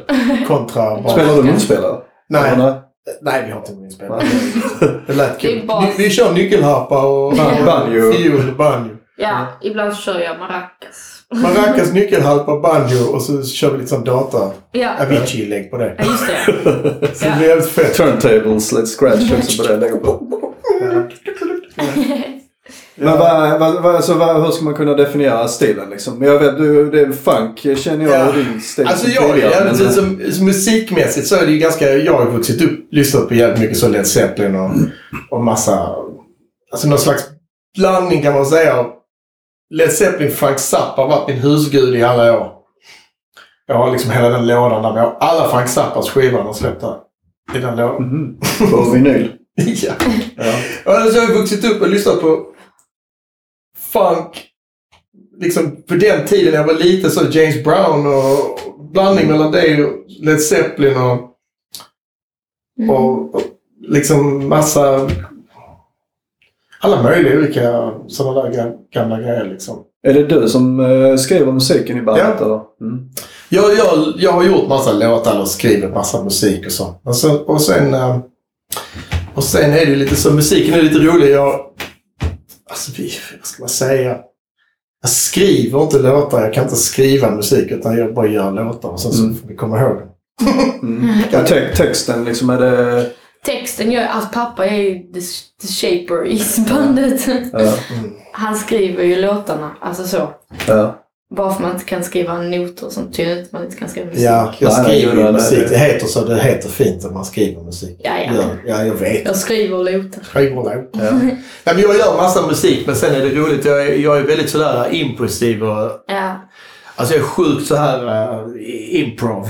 Allting det Jamma ändrar fram. hela jävla tiden. Det är det som är jobbigt. Och både jobbigt och bra. Så att jag vet att vissa säkert älskar att spela med mig. Och jag har gjort massa grejer. Sen vet jag vissa som säkert hatar att spela med mig. För att, för att jag är så jävla... Du vet, vi kan gå ut, ja, vi kan gå ut på scen. det. Det finns liksom ingen... Jag, jag brukar säga så här med musik att vad fan, musik är någonting i stunden liksom. Och... du vet, stunden ändrar sig och du, kan inte spela samma solen skiner idag men inte imorgon. Liksom. Du vet inte hur, var du tar det. Jag gillar att vara så fri i det och det kan vara jävligt jobbigt ibland när man... Mm. alltså med band. Alltså de som spelar med måste ju vara... Vet, I jazz så är man ju väldigt så... Alltså all improvisationsmusik eller vad det nu är för någonting. Så vi är jävligt mycket där när vi spelar. Det finns en struktur och det finns liksom huvuden liksom som man, såna helst som man måste liksom, det här ska vi kunna, det här ska vi kunna, det här ska vi kunna. Och så har vi liksom, försöker vi hitta lite olika keys och sånt för att gå in i de olika Jag sakerna. förutsätter att bandet är ganska tajt, gör de inte? Ja, det är det som är grejen. Man måste vara jävligt tajt man måste vara jävligt fri och inte liksom... Och får man en känsla av att göra någonting så bara jag att göra. Så att det kan vara, man har sjungit en sak 20 gånger i rad så plötsligt står man på scen och så fullt med folk där så plötsligt börjar göra något helt annat. Liksom. Och det, det, kan ju, det kan ju kasta över en jävligt mycket folk som vill ha det väldigt... Just det. Alltså nu gör vi så här, de blir helt, vad fan händer nu? Panik. Ja. Pallar inte den situationen. Ja. Och ibland vet jag att jag börjat skämta på folks bekostnad och min egen bekostnad på scen och sånt. Och de har fått jävligt sura. jag kan säga, ibland säger jag saker och så gör jag saker som säger vad fan. Ja. Ja. Alltså det är en grej med mig som jag vet är en sån där... Det är en personlighetspris som jag tycker är jävligt rolig. Och jag, eller så. Ja. Alltså jag gillar att skratta på min egen åt. Alltså vad heter det? Skratta på Ja, sin precis. egen bekostnad. Heter det så? Skratta Ja, åt sig ja, själv. Ja, skratta åt sig själv. Jag har gjort så jävla många grejer som jag... Alltså som kan ha slutat hur fan som helst många gånger. Mm. Men resultatet har blivit att jag har legat i tårar och skrattat åt mig själv. Att jag gjorde det eller sa det eller ställde mig där och... Du vet sådär. Ja, det var en bra egenskap. Jag vet inte, jag, jag kan rekommendera det till Ja. folk. Det är jävligt roligt. Jag har gjort jävligt konstiga saker. Jag, tillbaka, jag var ju fram och tillbaka lite till Sverige. Jag åkte tillbaka och... Jag var med i SM i Stockholm. Just Det är det, du vann ju det. Vad Ja. sa vi att det var? 1998? Måste ha varit 98. 98, ja just det. Ja. Jag fick en sån stor buckla. Jag har den där ute, ligger skräp i den där ute. På Tora va? Jag tog den. Mm. Det var faktiskt bra vågor den dagen liksom. Va, detta var din första tävling i Sverige kan Ja. man säga då? Eller? Ja. Det fanns ju inte så stor tävlingsscen mer än just där uppe egentligen. Jag hade ju bott, jag hade ju bott utomlands i några år redan nu liksom. När jag kommer ihåg när jag åkte upp där uppe så ville de att jag skulle ställa upp. De trodde jag var från Barbados. De trodde jag var utlänning. Så de, så de började gnälla stockholmarna där uppe. Och sen så efter mycket om och men så fattade de att jag var De var svensk. så rädda för lite konkurrens. Ja, de var rädda för konkurrens. Så fick de. De kan ställa upp igen i någon masterclass eller något. Nej, inte master, men i open kan jag ställa upp. Okej. Det är fortfarande ung. Ja, ja, det är klart. Det är klart. Ja. Ja. Sorry. Fjärden trampar du i klaveret. ja. Nej, vad ska jag? Det är klart jag Ja. ställer upp i... Jag kan ställa upp i alla klasserna. Jag är så gammal nu. Jag kan precis. ställa upp i de... eh, Men damklassen kanske blir svårt. Det är lite, lite jobbigt. Jag har långt hår. Sant. Ja. Det är alltid kul att tävla. Va? Det är alltid roligt att tävla. Och det är alltid som en extra del av liksom, surfing också. Va- varför inte? Liksom? Det är som en någon grej. Men man måste ju också vara realistisk här. Jag tycker att det är jävligt... Det, det, det är på skoj här. Verkligen på skoj. Liksom. Jag vill faktiskt bara surfa varje dag. Så det är jag glad. Ja, jag har förstått att du, ja, du är sjukt dedikerad när det gäller... Eh, du måste ha sjuk ångest när det går bra prognoser kan jag tänka mig. Om du inte kan sticka iväg. Ja, och det är därför så har jag sagt att eh, jag har faktiskt anpassat hela mitt liv här, även om jag bor här, efter surfen. Ja. Så jag, jag ser till att alltid kunna surfa om det vågar. Det är, min, eh, det är mitt psykiska välbefinnande. Som, sådär. Vi lever en gång, tänker jag. Och det är ingen som tackar mig om jag Nej, liksom, så så, dör av tristess. Det var absolut ingenting som var dåligt på Barbados varför vi kom tillbaka till Sverige. Det var inte så att åh, jag suger, vi ska ut. Utan det var bara precis som att hej, vi Mm. gör något annat lite så här. Och då eh, åkte vi hit här till Sverige och så eh, väldigt kort så fick jag faktiskt ett det var väldigt rörigt den tiden. Vet, man flyttar så mellan olika länder och, och så mitt i allt detta så fick jag ett jobb erbjudande som surfguide i Indonesien på en båt. Och då stod jag där med två små barn och frugan här och tänkte vad fan ska jag göra? Och, vet, surfguide i Indo liksom. Shit motherfucker liksom. Mm. Va? Vad hade du gjort? Du är guide på en båt. Du ska runt i Indien i flera månader och bara surfa alla de breaksen och få betalt. Mm. Vad gör du mannen? Jag åkte såklart. Men jag fick ju surfa jävligt mycket faktiskt. Och, ehm, Det var en jävligt fet resa. Det var jävligt galet alltså. Ja. Riktigt mycket som hände och mycket surf, många dagar, stora vågor, alla möjliga. Vad var ni på för ställen där? Kan du nämna några ställen Ja, vi var? var, fan, vi var skitmånga ställen. Det var... Jag surfade gigantiskt G-land. Mm. Riktigt fucking stort var det. Riktigt, riktigt, riktigt stort. Och ja, vi var runt om överallt. Jag kunde fan alltså det var så många ställen. Vi var där nästan i, vad fan var det, tre, fyra månader var det på den båten. Det var lång tid liksom. Och ehm, vi blev faktiskt skeppsbrutna. Båten gick sönder. 36 sjömil norr om Panaitan. Där One Palm Point. Vi hade varit där. Så skulle vi ta oss till Mentaueröarna. Och där så gick båten mitt i. Vilket helvete. Du vet, det var knäppt. När jag åkte ner först så... Alltså jag såg från början att det var fel på motorn. Mm. För jag jobbar med sånt också. Jag, jag har en lång meritlista. Liksom. Den är lång och konstig. Men jag har jobbat mycket med motorer och grejer och sånt. Och så när jag kom ner så blandade den olja i, i vattnet i motorn. Så tänkte jag shit, det är ju sönder någonstans här. Så, men det var ingen som ville lyssna på mina farhågor om att den båten skulle gå sönder där, eller motorn. För att jag tänkte den, det är något toppen är spräckt eller en packning eller du vet, liner eller någonting. Det var något skit var det liksom. Jag tror, tror till och med det var en liner som spräckte ett foder. Kolv, eh, cylinderfoder liksom. Ehm, men i alla fall, vi var där mitt emellan de här jävla öarna. Vi är långt ut utav helvete. Vi kört ut där på natten. Och så var det mitt i natten det hände. Och så uh, hade vi bara fortsatt och motorn hade helt skurit. Och sen uh, låg vi där ute. Och uh, jag vaknade att du vet, det bara slog utav helvete. Båten gungade så in i helvete åt alla håll. Liksom bara, pam, pam, pam. Och det bara slog över så jag flög ur bingen där inne på mitt i natten. Så var det tyst. Så att det kändes helt konstigt, något som inte stämde. Så gick upp, då hade motorn skurit för ganska länge sedan. Och så hade man fortsatt med segel, för det blåste typ så 12-13 sidovind. Och du vet, den hade ju segel också. Så man körde, bara tog vinden och tänkte vi kör mot Mentaueröarna och bara fortsatt. Kom man där till ekvatorn så var det ingen vind. Så det var helt vindstilla. Och så låg där typ, ja, jag vet inte, 5-6 meter swell från ena hållet och så vindsväll lika stort från det andra hållet. Va? Så det var sånt korssväll liksom ute på havet så här. För att det hade blåst mycket. Och det gick åt helvete vad det gungade där ute och allting började gå sönder. Och så plötsligt hör man så crack, crack där bak. Och så bara slog in i, i, i aktorn där på skutan. Och då eh, visade det sig att den här jävla bryggan, vet man, som man kan hoppa ner på, den hade liksom slitits av på ena kedjan och slats av och den låg och dinglade så bakom båten. Så hade den gått in bak i rodret. Och ratten bara snurrade så inne i båten. Så den hade knäckt rodret, vikt rodret bakåt under båten. Va? Den hade liksom åkt in i, vänt hela det jävla rodret baklänges så här. Tryckt upp det i skrovet, knäckt hela roderaxeln. Ja, så, så låg vi där ute, mitt ute och drev utan roder. och vi, vi kapade loss den där kedjan, vi högg loss skitet där och sen så flöt den iväg och sen så... Ja, det var en lång jävla historia. Vi låg där och drev jävligt länge där ute och det kom en båt och skulle liksom rädda oss tänkte vi. Men... Eh, och alla blev liksom så åh nu kommer jag inte i räddningen, det kommer en båt. Liksom. För där ute kan du ligga och driva i all evighet utan någon kommer. Liksom. Det är fan mitt i, mitt i havet. Där ute. Ingen satellittelefon, inga, inga nödraketer, ingen Inga satellit. nödraketer Ja, jag försökte tända ett sånt blås man ihåg. Så bara så bara smulade det. Stod det så ex- Expired 1984 stod det på. Så det var helt bra. Men det var, ja, så vi låg där ute och höll på att driva, driva som fan.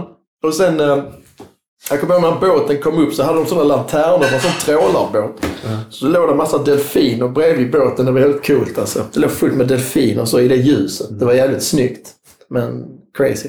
Så det var så stora vågor så de våg, vi kunde inte gå för nära. Va? Så sökte vi få över en kastlina till den båten. De skulle dra oss till Jakarta, Kom jag.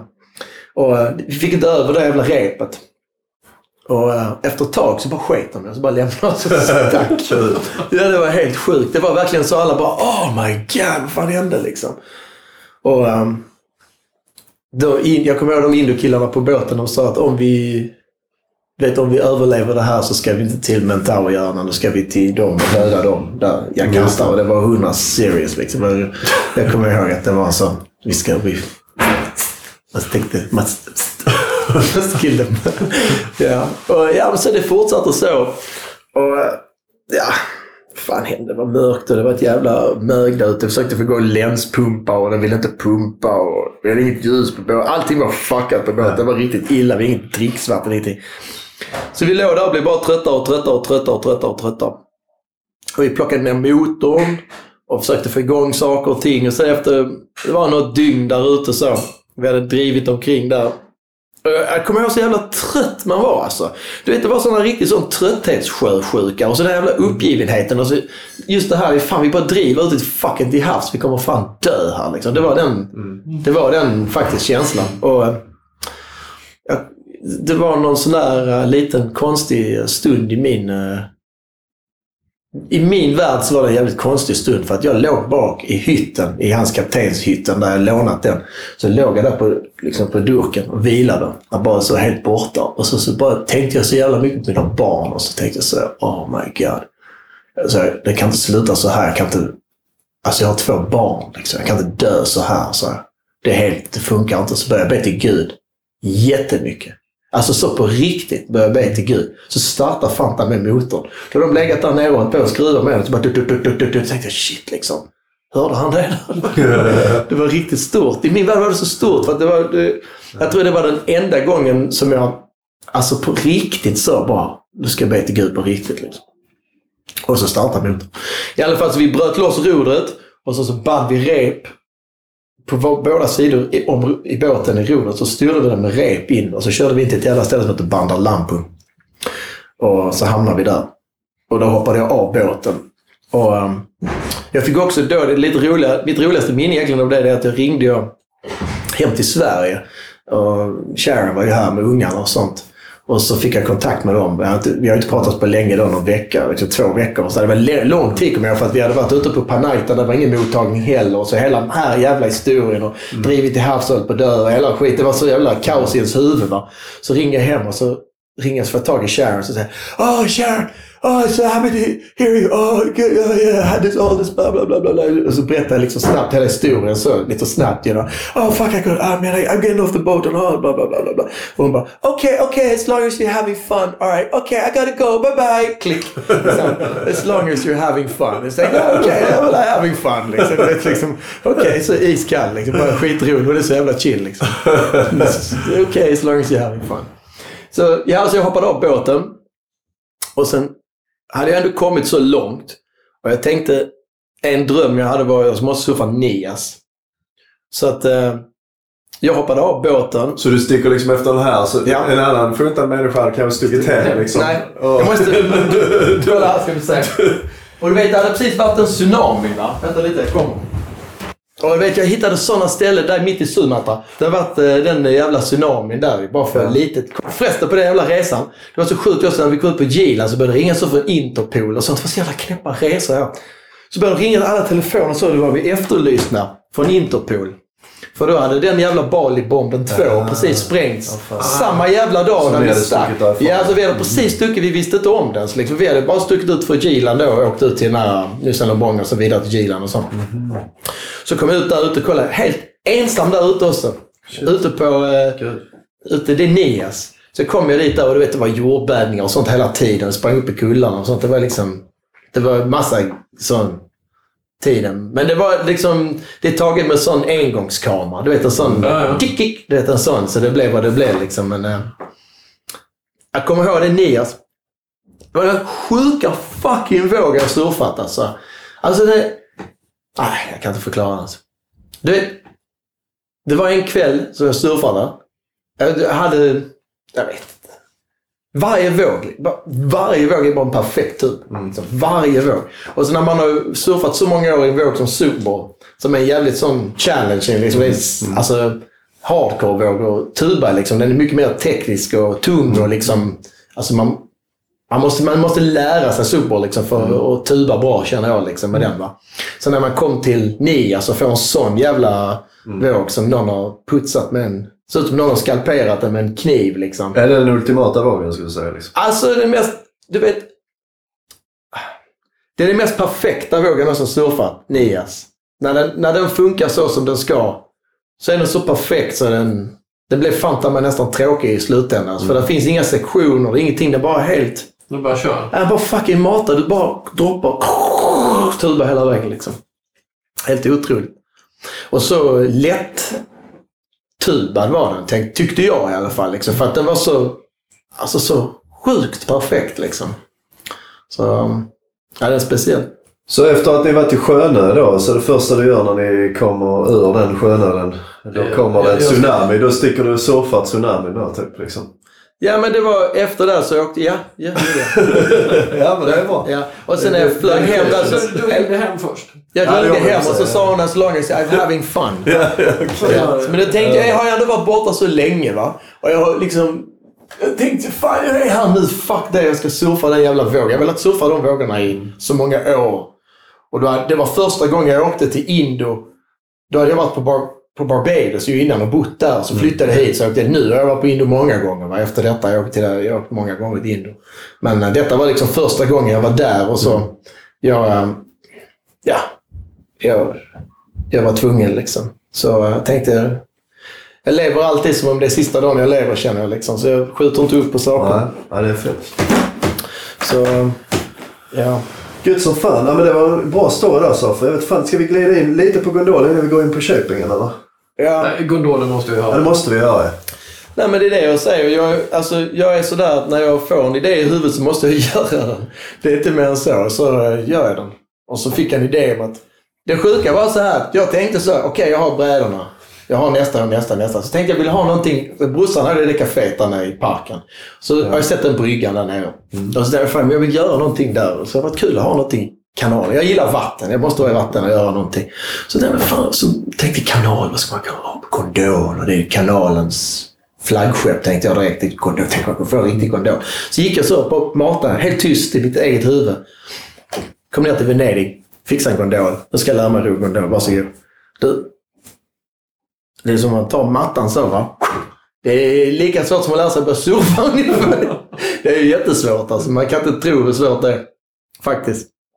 Så man tittar all asymmetri och sånt med den. Den är, du vet, den är kurv på en sida. Den lutar, den är rak på andra sidan. Den motarbetar padden på den sidan hela tiden. Och fan, det är liksom vikten där fram balanserar gubben där bak. Och shit liksom, för fan. Och så kan du helt flatbotta. Inga fenor, inga kölar, ingenting. Det där är coolt liksom. Det var massa häftiga grejer, gondoler. Och så man bygger dem vet du, med eld och kvastar och skit och sånt. Det dricker vin medan man gör det. Det är jättekul. så sa jag, jag måste ha en gondol i alla fall. Fixa en gondol. Men vet du vad som hände nu? Va? Nu visar det sig att nu ska du faktiskt ha skepparexamen också. Du ska ha sjöbefälsutbildning också. Ja, när du transporterar passagerare. Ja. Åh, Så nu har jag fått ta sjöbefälsutbildning också. Ja, jag är det också. Nu är jag kapten. Så jag är både, det var en jävla reporter som ringde och försökte fucka mig. Jag var uppe i ställe och gjorde ett jobb. Jag, menar, jag har haft den i tre år och jag har inte vetat om. Jag trodde jag följde alla regelverk, vad man skulle göra. Men så är det, du vet, jag har gjort allt man ska med regelverk, regelverk, regelverk. regelverk. Och registrerat det och fixat det. Vet, Då kände du att du var i Sverige igen eller hur? Ja, nu är vi där igen. Så ringer det någon sån riktig råkuk till jävla reporter som ska bara liksom, bara jävlas med väl. Och ringer och så, "Ja, jag ser att det, det här är olagligt. Och så, vad det snackar de om liksom? Och så visar det sig att han har då tagit reda på någonting där i, inom Transportstyrelsens regelverk och visar att jag då saknade någon behörighet. Och då, var jag, då hade jag tagit upp den upp i Örebro. Och stod där uppe på mitt största jobb jag var bokad för hela året. Och han fuckade mig första dagen med detta här, eller andra dagen. Och jag bara tänkte shit, liksom, vad ska jag göra nu? Sälja gondolen, lägga ner verksamheten. Vad ska jag göra? Jag hade en kund där, de hade hyrt in mig och hela grejen. Vet jag, det är min inkomst och hela min... Och han den här jävla reportern hotar om polisanmälelser och allting. Bara för att han ska leka Janne Josefsson. Så jag sa det, vad fan är du? Janne Josefsson? Vad fan håller du på med liksom? Vad får du ut av detta? Och det spreds ju.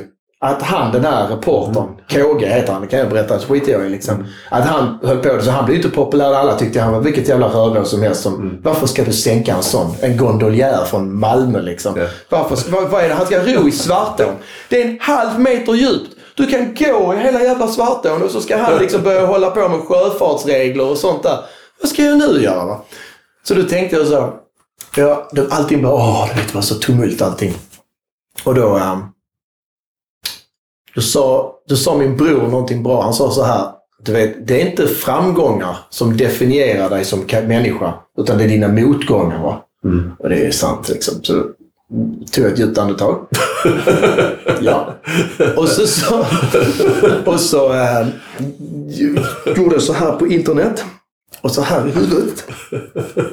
och sen så några dagar senare hittade de mig i Göteborg och gjorde en sån riktig uh, hjärnblödningsgrej. Det är fan stort. Du gick Ja. igenom den befälsutbildningen. Ja, alltså. gjorde det. Och sen så sköt jag upp jobbet, lämnade gondolen i Örebro, så kom jag tillbaka som fartygsbefäl.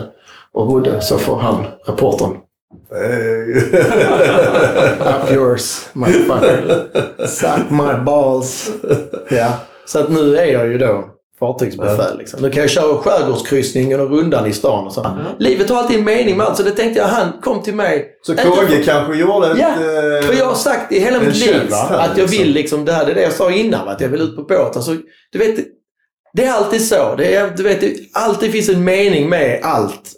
Man ser det kanske inte först. Nej. Vet du vad jag menar? Du ser meningen sen det. Och ibland så, när man är i djupaste hålet och inte fattar varför detta skitet händer. Så sen börjar man fatta. Utan det hade inte detta hänt. Ja, Liksom. det. Och detta var ändå bra. Ska vi prata lite shaping? Ja, kan vi göra. Um, 12 var första gången. 1200 brädor idag. Ja. Ish. Typ. ish. Ja. Ja.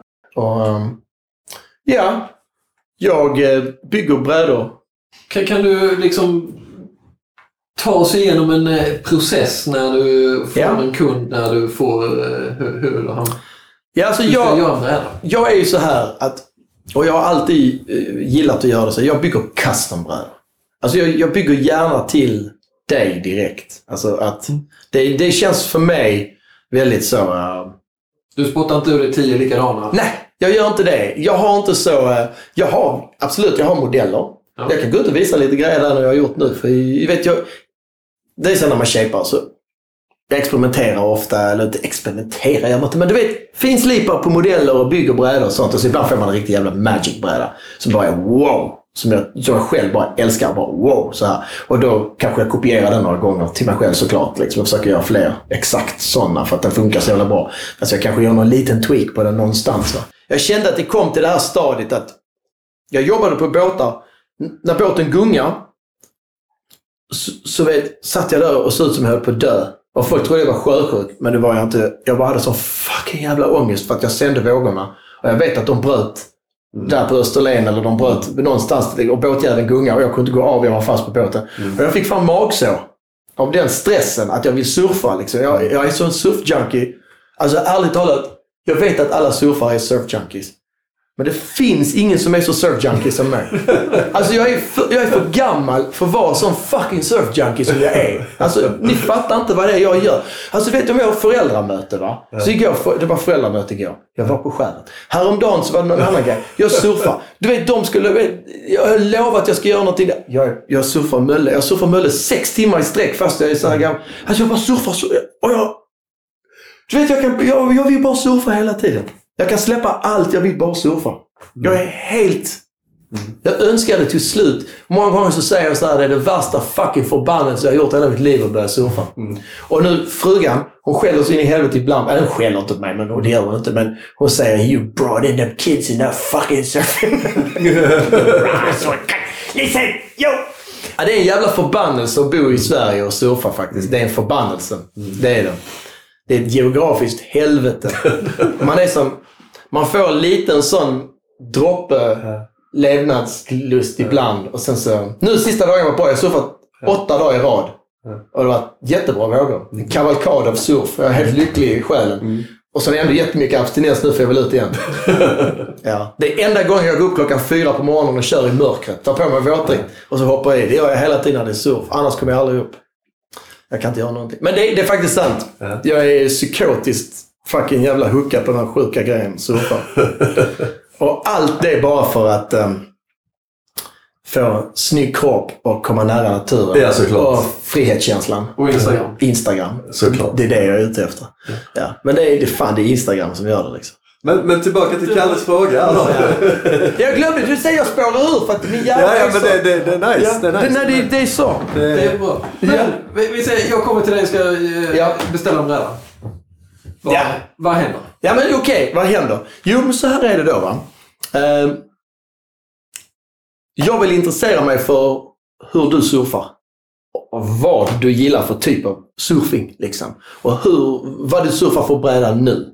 Alltså jag vill titta liksom på dig, för jag ska bygga en bräda till dig. Mm. Och ofta är det så här att alla vill vi bli lite bättre, inte sant? Så är det ju. Jag tror var vi än är någonstans vill vi nå nästa nivå hela tiden. Och, eh, och, och så är det. Och, och då, då har du någon tanke vad du vill nå någonstans lite. Och, jag, och kan jag hjälpa dig på din väg att bli lite bättre? Eller få det att funka lite mer som du tänker dig. Då, är det, då har jag gjort mitt jobb känner jag och då blir jag jävligt glad. Liksom, jag är jävligt stokad. Och det är, så att jag, jag, jag måste titta på vad det är. Om du har koll själv på din bräda, det är vad du letar efter. Och du vet exakt vad du letar efter. Ja, men då kan du ju gå och kanske leta i affärer och sånt och känna på dem och tänka och tycka och fråga lite folk och, se, och så. Va? Absolut. Men om man noll koll på det egentligen, då kan man gå fel väg så här jävligt länge. Och bara läsa de här, äh, vad heter sådana? Reviews och mått och massa sånt här liksom. Och ähm, då kan man vara ute på fel spår jävligt länge. Många är ju på fel spår hela livet med brädorna och liksom fastnar i olika saker och kommer aldrig någon vart för att de... Vad är den vanligaste felbrädan Ja, men det, svenska surfare har? jag tänker så här. Först och främst tänker jag så här. man kan säga så. Ja, men då, då tänker man så här, fel på vilket sätt? Förstår du vad jag menar? Vad är ditt mål med surfing? Alltså hur vill du surfa? För att jag har ju kommit till den förståelsen genom åren att det är inte den som surfar bäst som vinner. Det är den som är roligast som vinner. Han vinner. Han som hade roligast, han vann den jävla surfingen. Liksom. Det är inte den som surfar bäst, utan det är han som hade roligast som vann. Så man måste liksom tänka vad det är som är roligt för dig. Och, och vad det är som, vad, liksom, vad är det roliga? Så jag, jag försöker inte tänka att... eh, Eh, alltså jag, jag försöker verkligen tänka när jag bygger brädor att jag bygger dem för dig. Liksom. Vad tycker du det är roligt att göra så och så och så och så? Och det är det, verkligen det du vill göra. Då kan jag hjälpa dig att bygga en bräda som gör så och så och så. På ditt sätt, förstår du? Mitt sätt att surfa är inte ditt sätt att surfa och så vidare. Så är vi allihopa. Vi drar olika linjer på vågorna, vi uttrycker oss olika och vi har olika tankar. Alltså om vi hårdrar det så. Ja, jag vill shortboarda liksom. Du vet så. Eller jag vill liksom ja, göra... Ja, ju dra den Precis, vi måste sätta så nu liksom. Okej, jag, jag ska surfa som John John eller jag ska vid, longboard eller liksom retro-style. Liksom, så lite Rob Machado-flowet liksom. Så här, va? Det är liksom olika typer av Av surfing. surfing liksom så. va. Om vi nu säger shortboard-mässigt och du vill lära dig att göra liksom mer crankade svängar och mer Ja. så överallt liksom. Då tror jag till ganska stor del här så surfar folk jävligt... eh, alltså det har blivit mycket sådana feta brädor. Folk fastnar mycket i feta brädor liksom. Alltså sådana... Du vet, det, alltså så här va. Ah, fan, det, här är inte så enkelt, att- det här är inte så enkelt att hårdra egentligen. För det finns inte sånt vanligaste fel. Fattar du vad jag menar? Alltså mycket, mycket av vanliga felet är ju dålig teknik och att folk inte surfar så bra. Liksom. Att, det är liksom, kan du surfa kan du rippa på vad fan för något som helst. Liksom.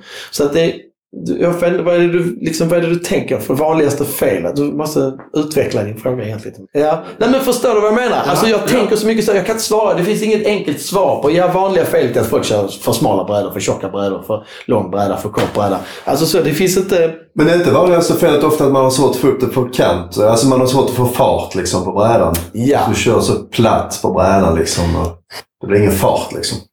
Det är ofta det man kan se skillnad på en duktig eller en medioker liksom. Jag tror mycket, alltså, mycket av fartgrejen är ju teknik. Mm. Alltså det är ju surfteknik bakom det. Att få riktig fart på brädan. Sen kan ju definitivt brädan hjälpa till jävligt mycket om den är alltså, snabb. Brädan är snabb. Alltså jag har byggt en bräda nu där ute som jag byggde till Sunny. Och den brädan är den är überfucking jävla sjuk. Alltså jag, jag så, fan jag har ståkuk varje gång jag surfar. Liksom. Kan man säga så? Alltså jag är som i euforium liksom. Så alltså jag är bara helt så euforisk i huvudet. Jag älskar den, den är jätterolig. Och den går så jävla fort.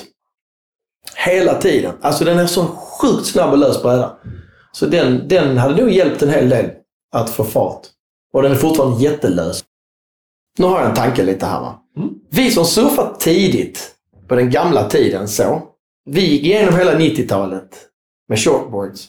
Då var brädorna en inch tjocka och liksom 18 breda och liksom 6-0 långa. Liksom där. Så det var jätteslöa egentligen. Alltså jämfört med de här feta brädorna. Då fick man lära sig att ha fart på brädorna på ett annat sätt. Alltså att pumpa fart på shortboardarna på ett sånt sätt. Och jag tror att idag liksom så har folk, många av de som börjat surfa på senare år, de har ju börjat. Alltså det, då är det sådana här sweet potatoes och grejer som är liksom korta, va? men de är jättebreda och jättemycket fart. Alltså de går ju fort av sig själv. Mm. De behöver inte göra så jävla mycket för att få fart på sig. De bara åker ju liksom så här på en liten våg. Men de svänger ju långt ifrån en sån litet potato chip, liksom, en sån bräda. På det sättet. Alltså, och så att jag tror att det är nog en liten kombo av um, att man... När man surfar en sån bred, lätt lättåkt bräda som ger, ger dig jättemycket fart. Då kommer den tappa på många sätt när det gäller manöver, alltså manöverbarheten. Det är ju så enkelt. Men och, och, och man, när man får mycket fart, men man tappar också en del av sin teknik. Jag har känt så ett tag när jag surfade så lite bredare brädor och sånt. Jag hade ett, ett, ett litet tag när jag började surfa och sånt. Så kände jag, jag- det, är- det är inte bra för min surfing, tänker jag. Liksom. Det är inte bra. Alltså på tekniken är liksom... För, för att man behöver inte... Man blir liksom försoffad i sin surfteknik, tänker jag. Att brädan funkar så jävla bra, jag åker så fort. Och du kan inte göra sådana... Svängarna blir inte på samma sätt så crankiga svängar och liksom, liksom tajta, hårda roundhouse och sådana saker. Så det är nog lite kombo. Det är lite kombo vad folk... eh, Men många surfar faktiskt för tjocka och för stora brädor. Om man nu tänker att de vill göra så radikala manövrar och liksom lära sig att göra sånt. Så är det ofta liksom ganska tjocka, stora brädor. Som, Så det är egentligen bara, bara vilken typ av surfing man vill göra, ja, kan man säga. Så kan man säga tycker jag. För att, alltså vad som är rätt för mig är inte rätt för dig kanske. Va? Och vad vi, vi har olika vi har helt, liksom olika utgångslägen. Liksom. Om du säger att jag vill ha en liten bräda, ja vad är liten för dig? Liksom, du vet. Jag är ju ganska stor så att en liten bräda för mig blir en ganska stor bräda för dig kanske. Precis. Liksom. Du vet det sjukaste grejen nu som försiggår nu, det är det här med liter. Det är helt förvirrande alltså, det här med liter måste jag säga. Och det har blivit en sån... eh, Du gillar inte det? Eller? Nej, Nej. Alltså det här med liter är helt knäppt. Alltså jag, jag måste säga att det är helt knäppt. Jag vet inte varför det har blivit en stor grej. Jag tror att det är de här fräsarna, CNC-fräsare och sånt som kan liksom räkna ut hur många liter det är i brädan. Och så har det blivit ett begrepp. Att folk använder det här med ett begrepp. Liter. Du vet, vi har haft brädor för fan i flera hundra år nu känns det som. Och det har aldrig funnits en liter. Det är längd och bredd och tjocklek och sånt man, man mäter. Men liter, men det är ingen aning vad många liter det är i brädan. Det är ju helt omöjligt att Ja, det var ju windsurfingbrädor som det fanns. Har väldigt mycket liter. här. Precis, då tänkte man så i liter. Men egentligen där också så var det också bara, hur vet du hur många liter den brädan har egentligen? Det var mer bara att man gjorde, ett, man gjorde liksom en estimate. Så här många liter har den och så blev det ett mått på något sätt. Men Jag för mig bara för att inflika där, den här tidningen Surfsport, den svenska windsurfing. Det till och med någon, det var någon jäkla eh, episod där de tryckte ner i en vattentank de här brädorna och jämförde med vad de, vad de sa att de var. Det stämde ju inte alls. nej. Så att det är lite som du säger där att det... Men Du vet, det är bullshit också. För att om du säger att du har en bräda som har 25 liter. Då börjar vi tänka logiskt här. Jag ska ha en bräda som är... Den ska vara 6,0, 18 bred och så, och så så tjock och så. Och så ska den ha 25 liter någonting. Ja, var sitter bredden? Hur mycket rocker har den? Vad har du för tailwit? Vad har du för nosewit? Har hur, vad- vad ser det ut liksom? Brädan kan ha tusen former med samma liter i sig. Och det kommer surfa på tusen olika sätt. Vad är det för material? Vad väger brädan? Väger den mer så flyter den mindre. Väger den mindre så flyter den mer. Du vet vad jag menar? Så buoyancy blir helt olika. Du kan liksom inte använda litern i ett bara den ska vara så här och den ska ha så här många liter. Liksom. Men om man kollar mer på shapingen, själva tekniken. Kan du ta oss igenom vad är det för... eh, Hur, hur funkar den tekniskt? Liksom, vilka verktyg använder du? Och kan du gå liksom från du shapar skummet och laminerar och hela den liksom... Eh, Tre viktigaste verktygen om man skulle börja shapea. Tre viktigaste verktyg. Du ska ha eh, en sån rasp, surfformrasp. Den är bra. Man behöver inte ha en elhyvel. Jag använder ju elhyvel jättelångt i shape-processen. Men det kan vara jobbig i början om man inte kan hantera elhyvel. Då kan det bli eh, svordom också för att den kanske tar hårt. Och vet man inte hur man ska använda elhyveln då är det ett ganska nervöst verktyg att, dra över blankset med när man kör med den. Men när man vet hur man använder den, då är den jävligt exakt. Och, ehm, för då, då har man liksom exakt koll på hur djupt den tar när man drar den. Men en rasp alltså. Ja, en surformrasp eller en elhyvel. Alltså, du kan ha båda två såklart. Jag använder båda två. Men, eh, Och sen så behöver du eh, ja, lite sandpapper och sånt. Vet jag har sådana olika kuddar, liksom sådana shape-kuddar nu. Som, eh, som skumgummibitar kan man kalla dem. Med lite olika hårdheter som man kan sätta klistra sandpapper på. Och då kan man de formar sig lite efter blankset eller man vill ha dem lite hårdare för att jämna ut någonting. Va? Så har man dem. Och sen... Eh, ja, du kan, du kan köra ner ett helt blankt med bara det. Såg kan du ha också, såga ut den. En vanlig fångsvans alltså. Ja, jag kör med maskin. Alltså jag kör med sticksåg. Glasaren, då behöver du sax och plast och gummispackel liksom. Så du kan pensla så kan du få ihop det. Vad kör du för blanks? US blanks. Mm. Det är typ liknande som de liknar Clarkform blanksen jävligt mycket. Jag kämpade på Clarkform i alla år. Har jag gjort.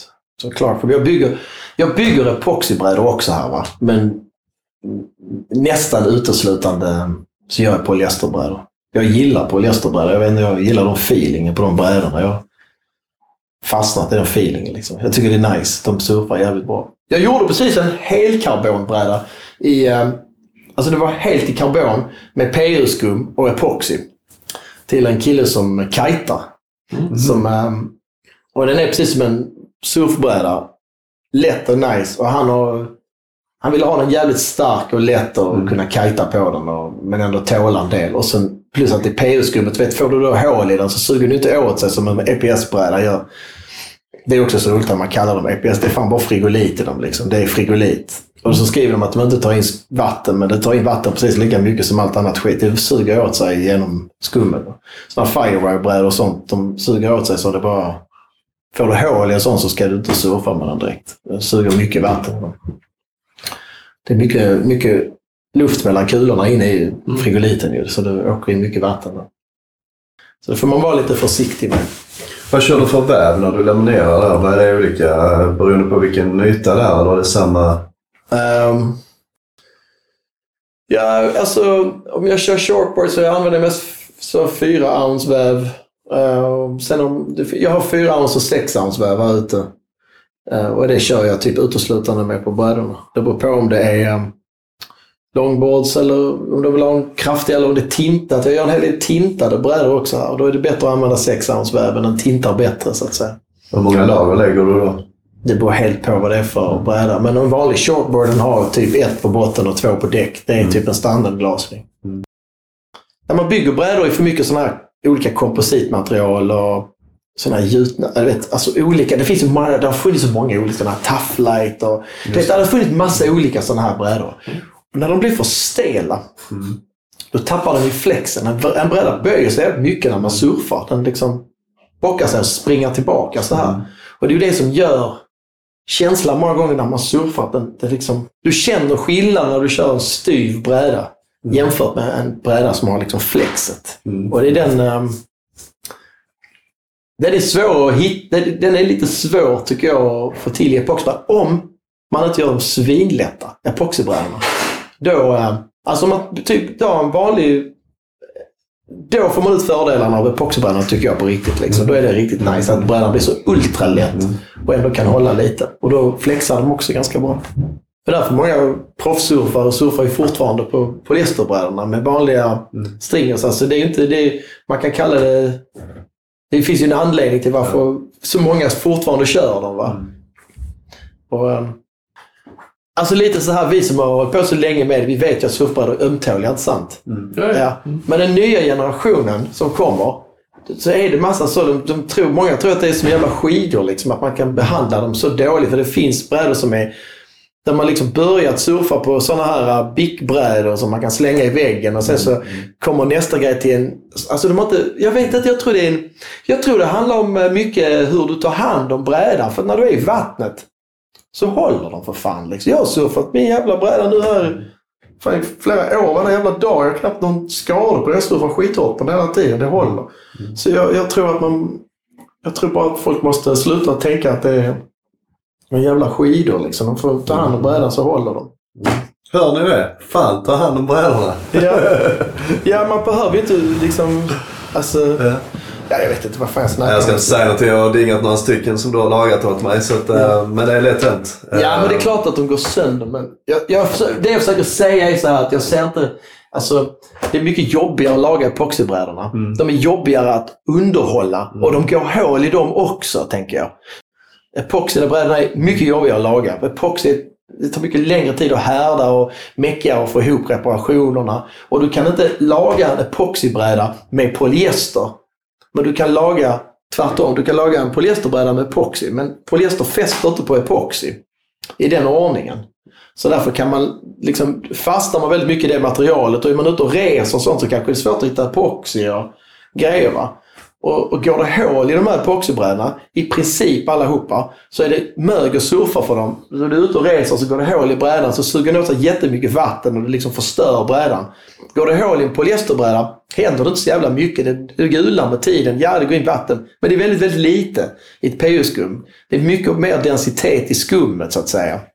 Det som man kan göra nu och det, jag har gjort en hel del här och det, jag vet att vissa börjat med det, det är att köra epoxy på PU-skummet. Och då har man lite av att den, man har en starkare kärna och så kan man liksom laminera väldigt tunt och lätt och ändå få upp styrkan i den. Men ah, allting är en diskussion om liksom vad är, vad är värt det. Va? Så att, vad är bäst och sånt. Jag vet. Smaksak. Ska vi ta och runda av Ja, vi lite tar och runda av lite lite. små avslutnings nedvarvningsfrågor? Ja, Kan vi kalla det det? ja. Eh, kommer du ihåg din första bräda? Vad det var för någon? Vågsurfbräda säger Ja. vi. ja. En Pearson Arrow hette den. En 6-8. Som typ en... Har du kvar den fortfarande? Semigun. Nej, det har jag inte. Den är inte kvar. Men jag kommer ihåg den. Ja. Eh, Nej, det var inte min första. Min första är den jag byggt där ute. ja, men vi, vi tänkte förutom den. Som jag köpt. Ja, okej. då är det den där. Pearson. Den Pearson heter den. Liksom. Ja. Eh, har du något snabbt restips? Eh, månen. Kom till den först. Lite surf kanske? Lite surf. Det finns ett snabbt hav. restipp. Jag kan tänka ett snabbt restipp? Uh, vad ska de åka? Ah, jag har inget snabbt restips. Nej. Hur mycket? Vad ska de göra på resan menar du? Surfa? Ja. Uh, vilken nivå? Eh, medel. Medel. Fan vilken tråkigt. Utifrån vilka mått då? Svenska eller är En svensk medelsurf. Svensk medelsurf. Uh, norr, norra Danmark. Den till, till utanför, utanför Köpenhamn. Där kan du surfa hela jävla högen. Ja. Så Ja. visst det grejer. Gilleleje. Gilleleje, där kan du surfa Ja. alla på en gång. Ja. eh, På surftops. Ja. ja. Eh, hur mycket tid lägger du på att kolla prognoser? Åh, jag tittar på prognoser varje dag. Kanske tio gånger om dagen. Vad använder du för eh, sida? Eller appar? jag använder... Om du vill avslöja det. nej, det vill jag inte. Jag har mina egna, vet du. Jag har sån eh, connection. du vet, en gång så ringde jag för att klaga på ett Selandsutsikt var nere va? Du vet den FM North Ja, ja. Och jag var så jävla upprörd. Så han ringde upp mig här. Vi hade värsta långa diskussionen. Han var jätteschyssta de där. De, eh, de tog det jätteseriöst. Mina tycken och punkter. så psycho liksom. Så väder. Ja, men det, jag tittar, det, man kan titta DMI och Seilads och, och lite olika sådana andra. Det finns lite andra också man kan titta i liksom. SMHI, typ. Finns en sån med på, du kan titta på rådata där som är riktigt så. Man lär sig Man lär sig. funkar liksom. Ja, precis. Mm. Man måste liksom fundera ut vad de tänker. När de visar så, Ja. så brukar de mena så här. Precis. Brukar jämföra ett antal. Ja. Hur många dagar om året snittar du? Jag räknar inte, men... Om du skulle uppskatta? En gång i veckan? Nej, nej, nej. Nej, nej, nej, nej, nej. Mer eller mindre? Men då, ibland ska vi igenom sådana platt grejer. Ja. Men när det är vågor så surfar jag alltid. Jag missar men kanske 200 dagar om året kanske jag surfar. Något sånt. Jag önskar jag surfar 365 här. Du vet, de åren jag bott utomlands och på bar, jag surfar varje dag. Jag surfar varje fucking dag. Jag tror det är det som är min... eh, Alltså jag behöver det för att överleva. Det är för, eh, Instagram. Och livs... Livs... Frihet. Det är för frihetskänslan och eh, allt det här liksom. Komma nära naturen. Det är det. Och få Eh, snygga muskler. Så musklerna också är snygga. Följer du World eh, Surf League? Jag följer inte dem, jag tittar en hel del på dem. Mm. Jag gillar att titta på de tävlingarna så och liksom, ja, jag kollar på det. Har du Jag- någon favoritsurfare? Ehm, ja, jag har några stycken som jag tycker jag gillar att titta extra på. Liksom. Eh, nu gillar jag Toledo jävligt mycket faktiskt. Han har snygga muskler. Hans snygga muskler, snygg ass har han när han surfar. Mm. Snygg liten, liten så, snygg ass. Och uh, John John, jag gillar John John. Han är jävligt unik liksom. Unik, cool stil. Alltid rolig att kolla på. Ehm, ja, många av dem. Kelly och de, ja, surfar skitbra också. Alla, alla surfar bra. Är- Alla de surfar ju bra liksom. Mm. Men eh, vissa som surfar bättre kanske. Ja. Vad var den senaste brädan du surfade som sista fråga? Min senaste bräda. Ja, som du surfade på sist. Jag surfade på min dotters bräda. På skäret igår. Och i förrgår också. Och dagen innan det också. Och nu, nu är det så att den brädan är så jävla bra. Så jag gick precis ut och tog rockern där ute och gjorde en eh, mall av rockern. Och liksom nu ska jag bygga en till exakt likadan. Jag ska göra en till mig för jag har snott hennes bräda nu för många gånger. Vad är det för mått? Um, den är 5,9 och sen vet jag inte mer. Jag har inte mätt den. Nej. Vill du säga det? Det vill jag. Jag ska hämta den till dig. När du ska göra, bara en snabb. När du ska göra den till dig själv, kommer det vara lika lång? Exakt samma. Exakt samma. Jag ska göra precis så här. Det här, det här är det sjukaste. Den här, det här är som att surfa med motor. Den här brädan. Det är som att surfa med motor. Jag kan inte beskriva det på annat sätt. Det är helt sjukt. Är det någon slags dubbelkonkav? Ja, den är jättedubbelkonkav om du kollar på den. Liksom nästan V-bottnad dubbelkonkav. Ja. Och så... Hela vägen fram? Ja, ganska genom typ hela brädan. Och så har den sjukt mycket tailkick. Om du tittar på rockern Ja, i är det. tailen. Ser du? Ja. Men inte alls mycket no nosrocker är den. Ganska flack. Alltså det, är- det är ju relativt flack nosrocker. Så den är väldigt så, men den är otroligt lös och snabb. skarpa kanter här bak också. Mm. Alltså det är typ, det är väldigt lätt också som du känner. Den väger ju inte många, många kilo. Nej. Eller väger kanske inte något kilo, så den är väldigt lätt. Du, Safar. Vi tackar dig så mycket. Tack för att du ställde upp. Ja. Vad kul att snacka med dig. Ja. Är det färdigt nu? Mycket bra. Har vi sagt? Eller har vi eh, något mer vi ska prata om? Nej. Nej.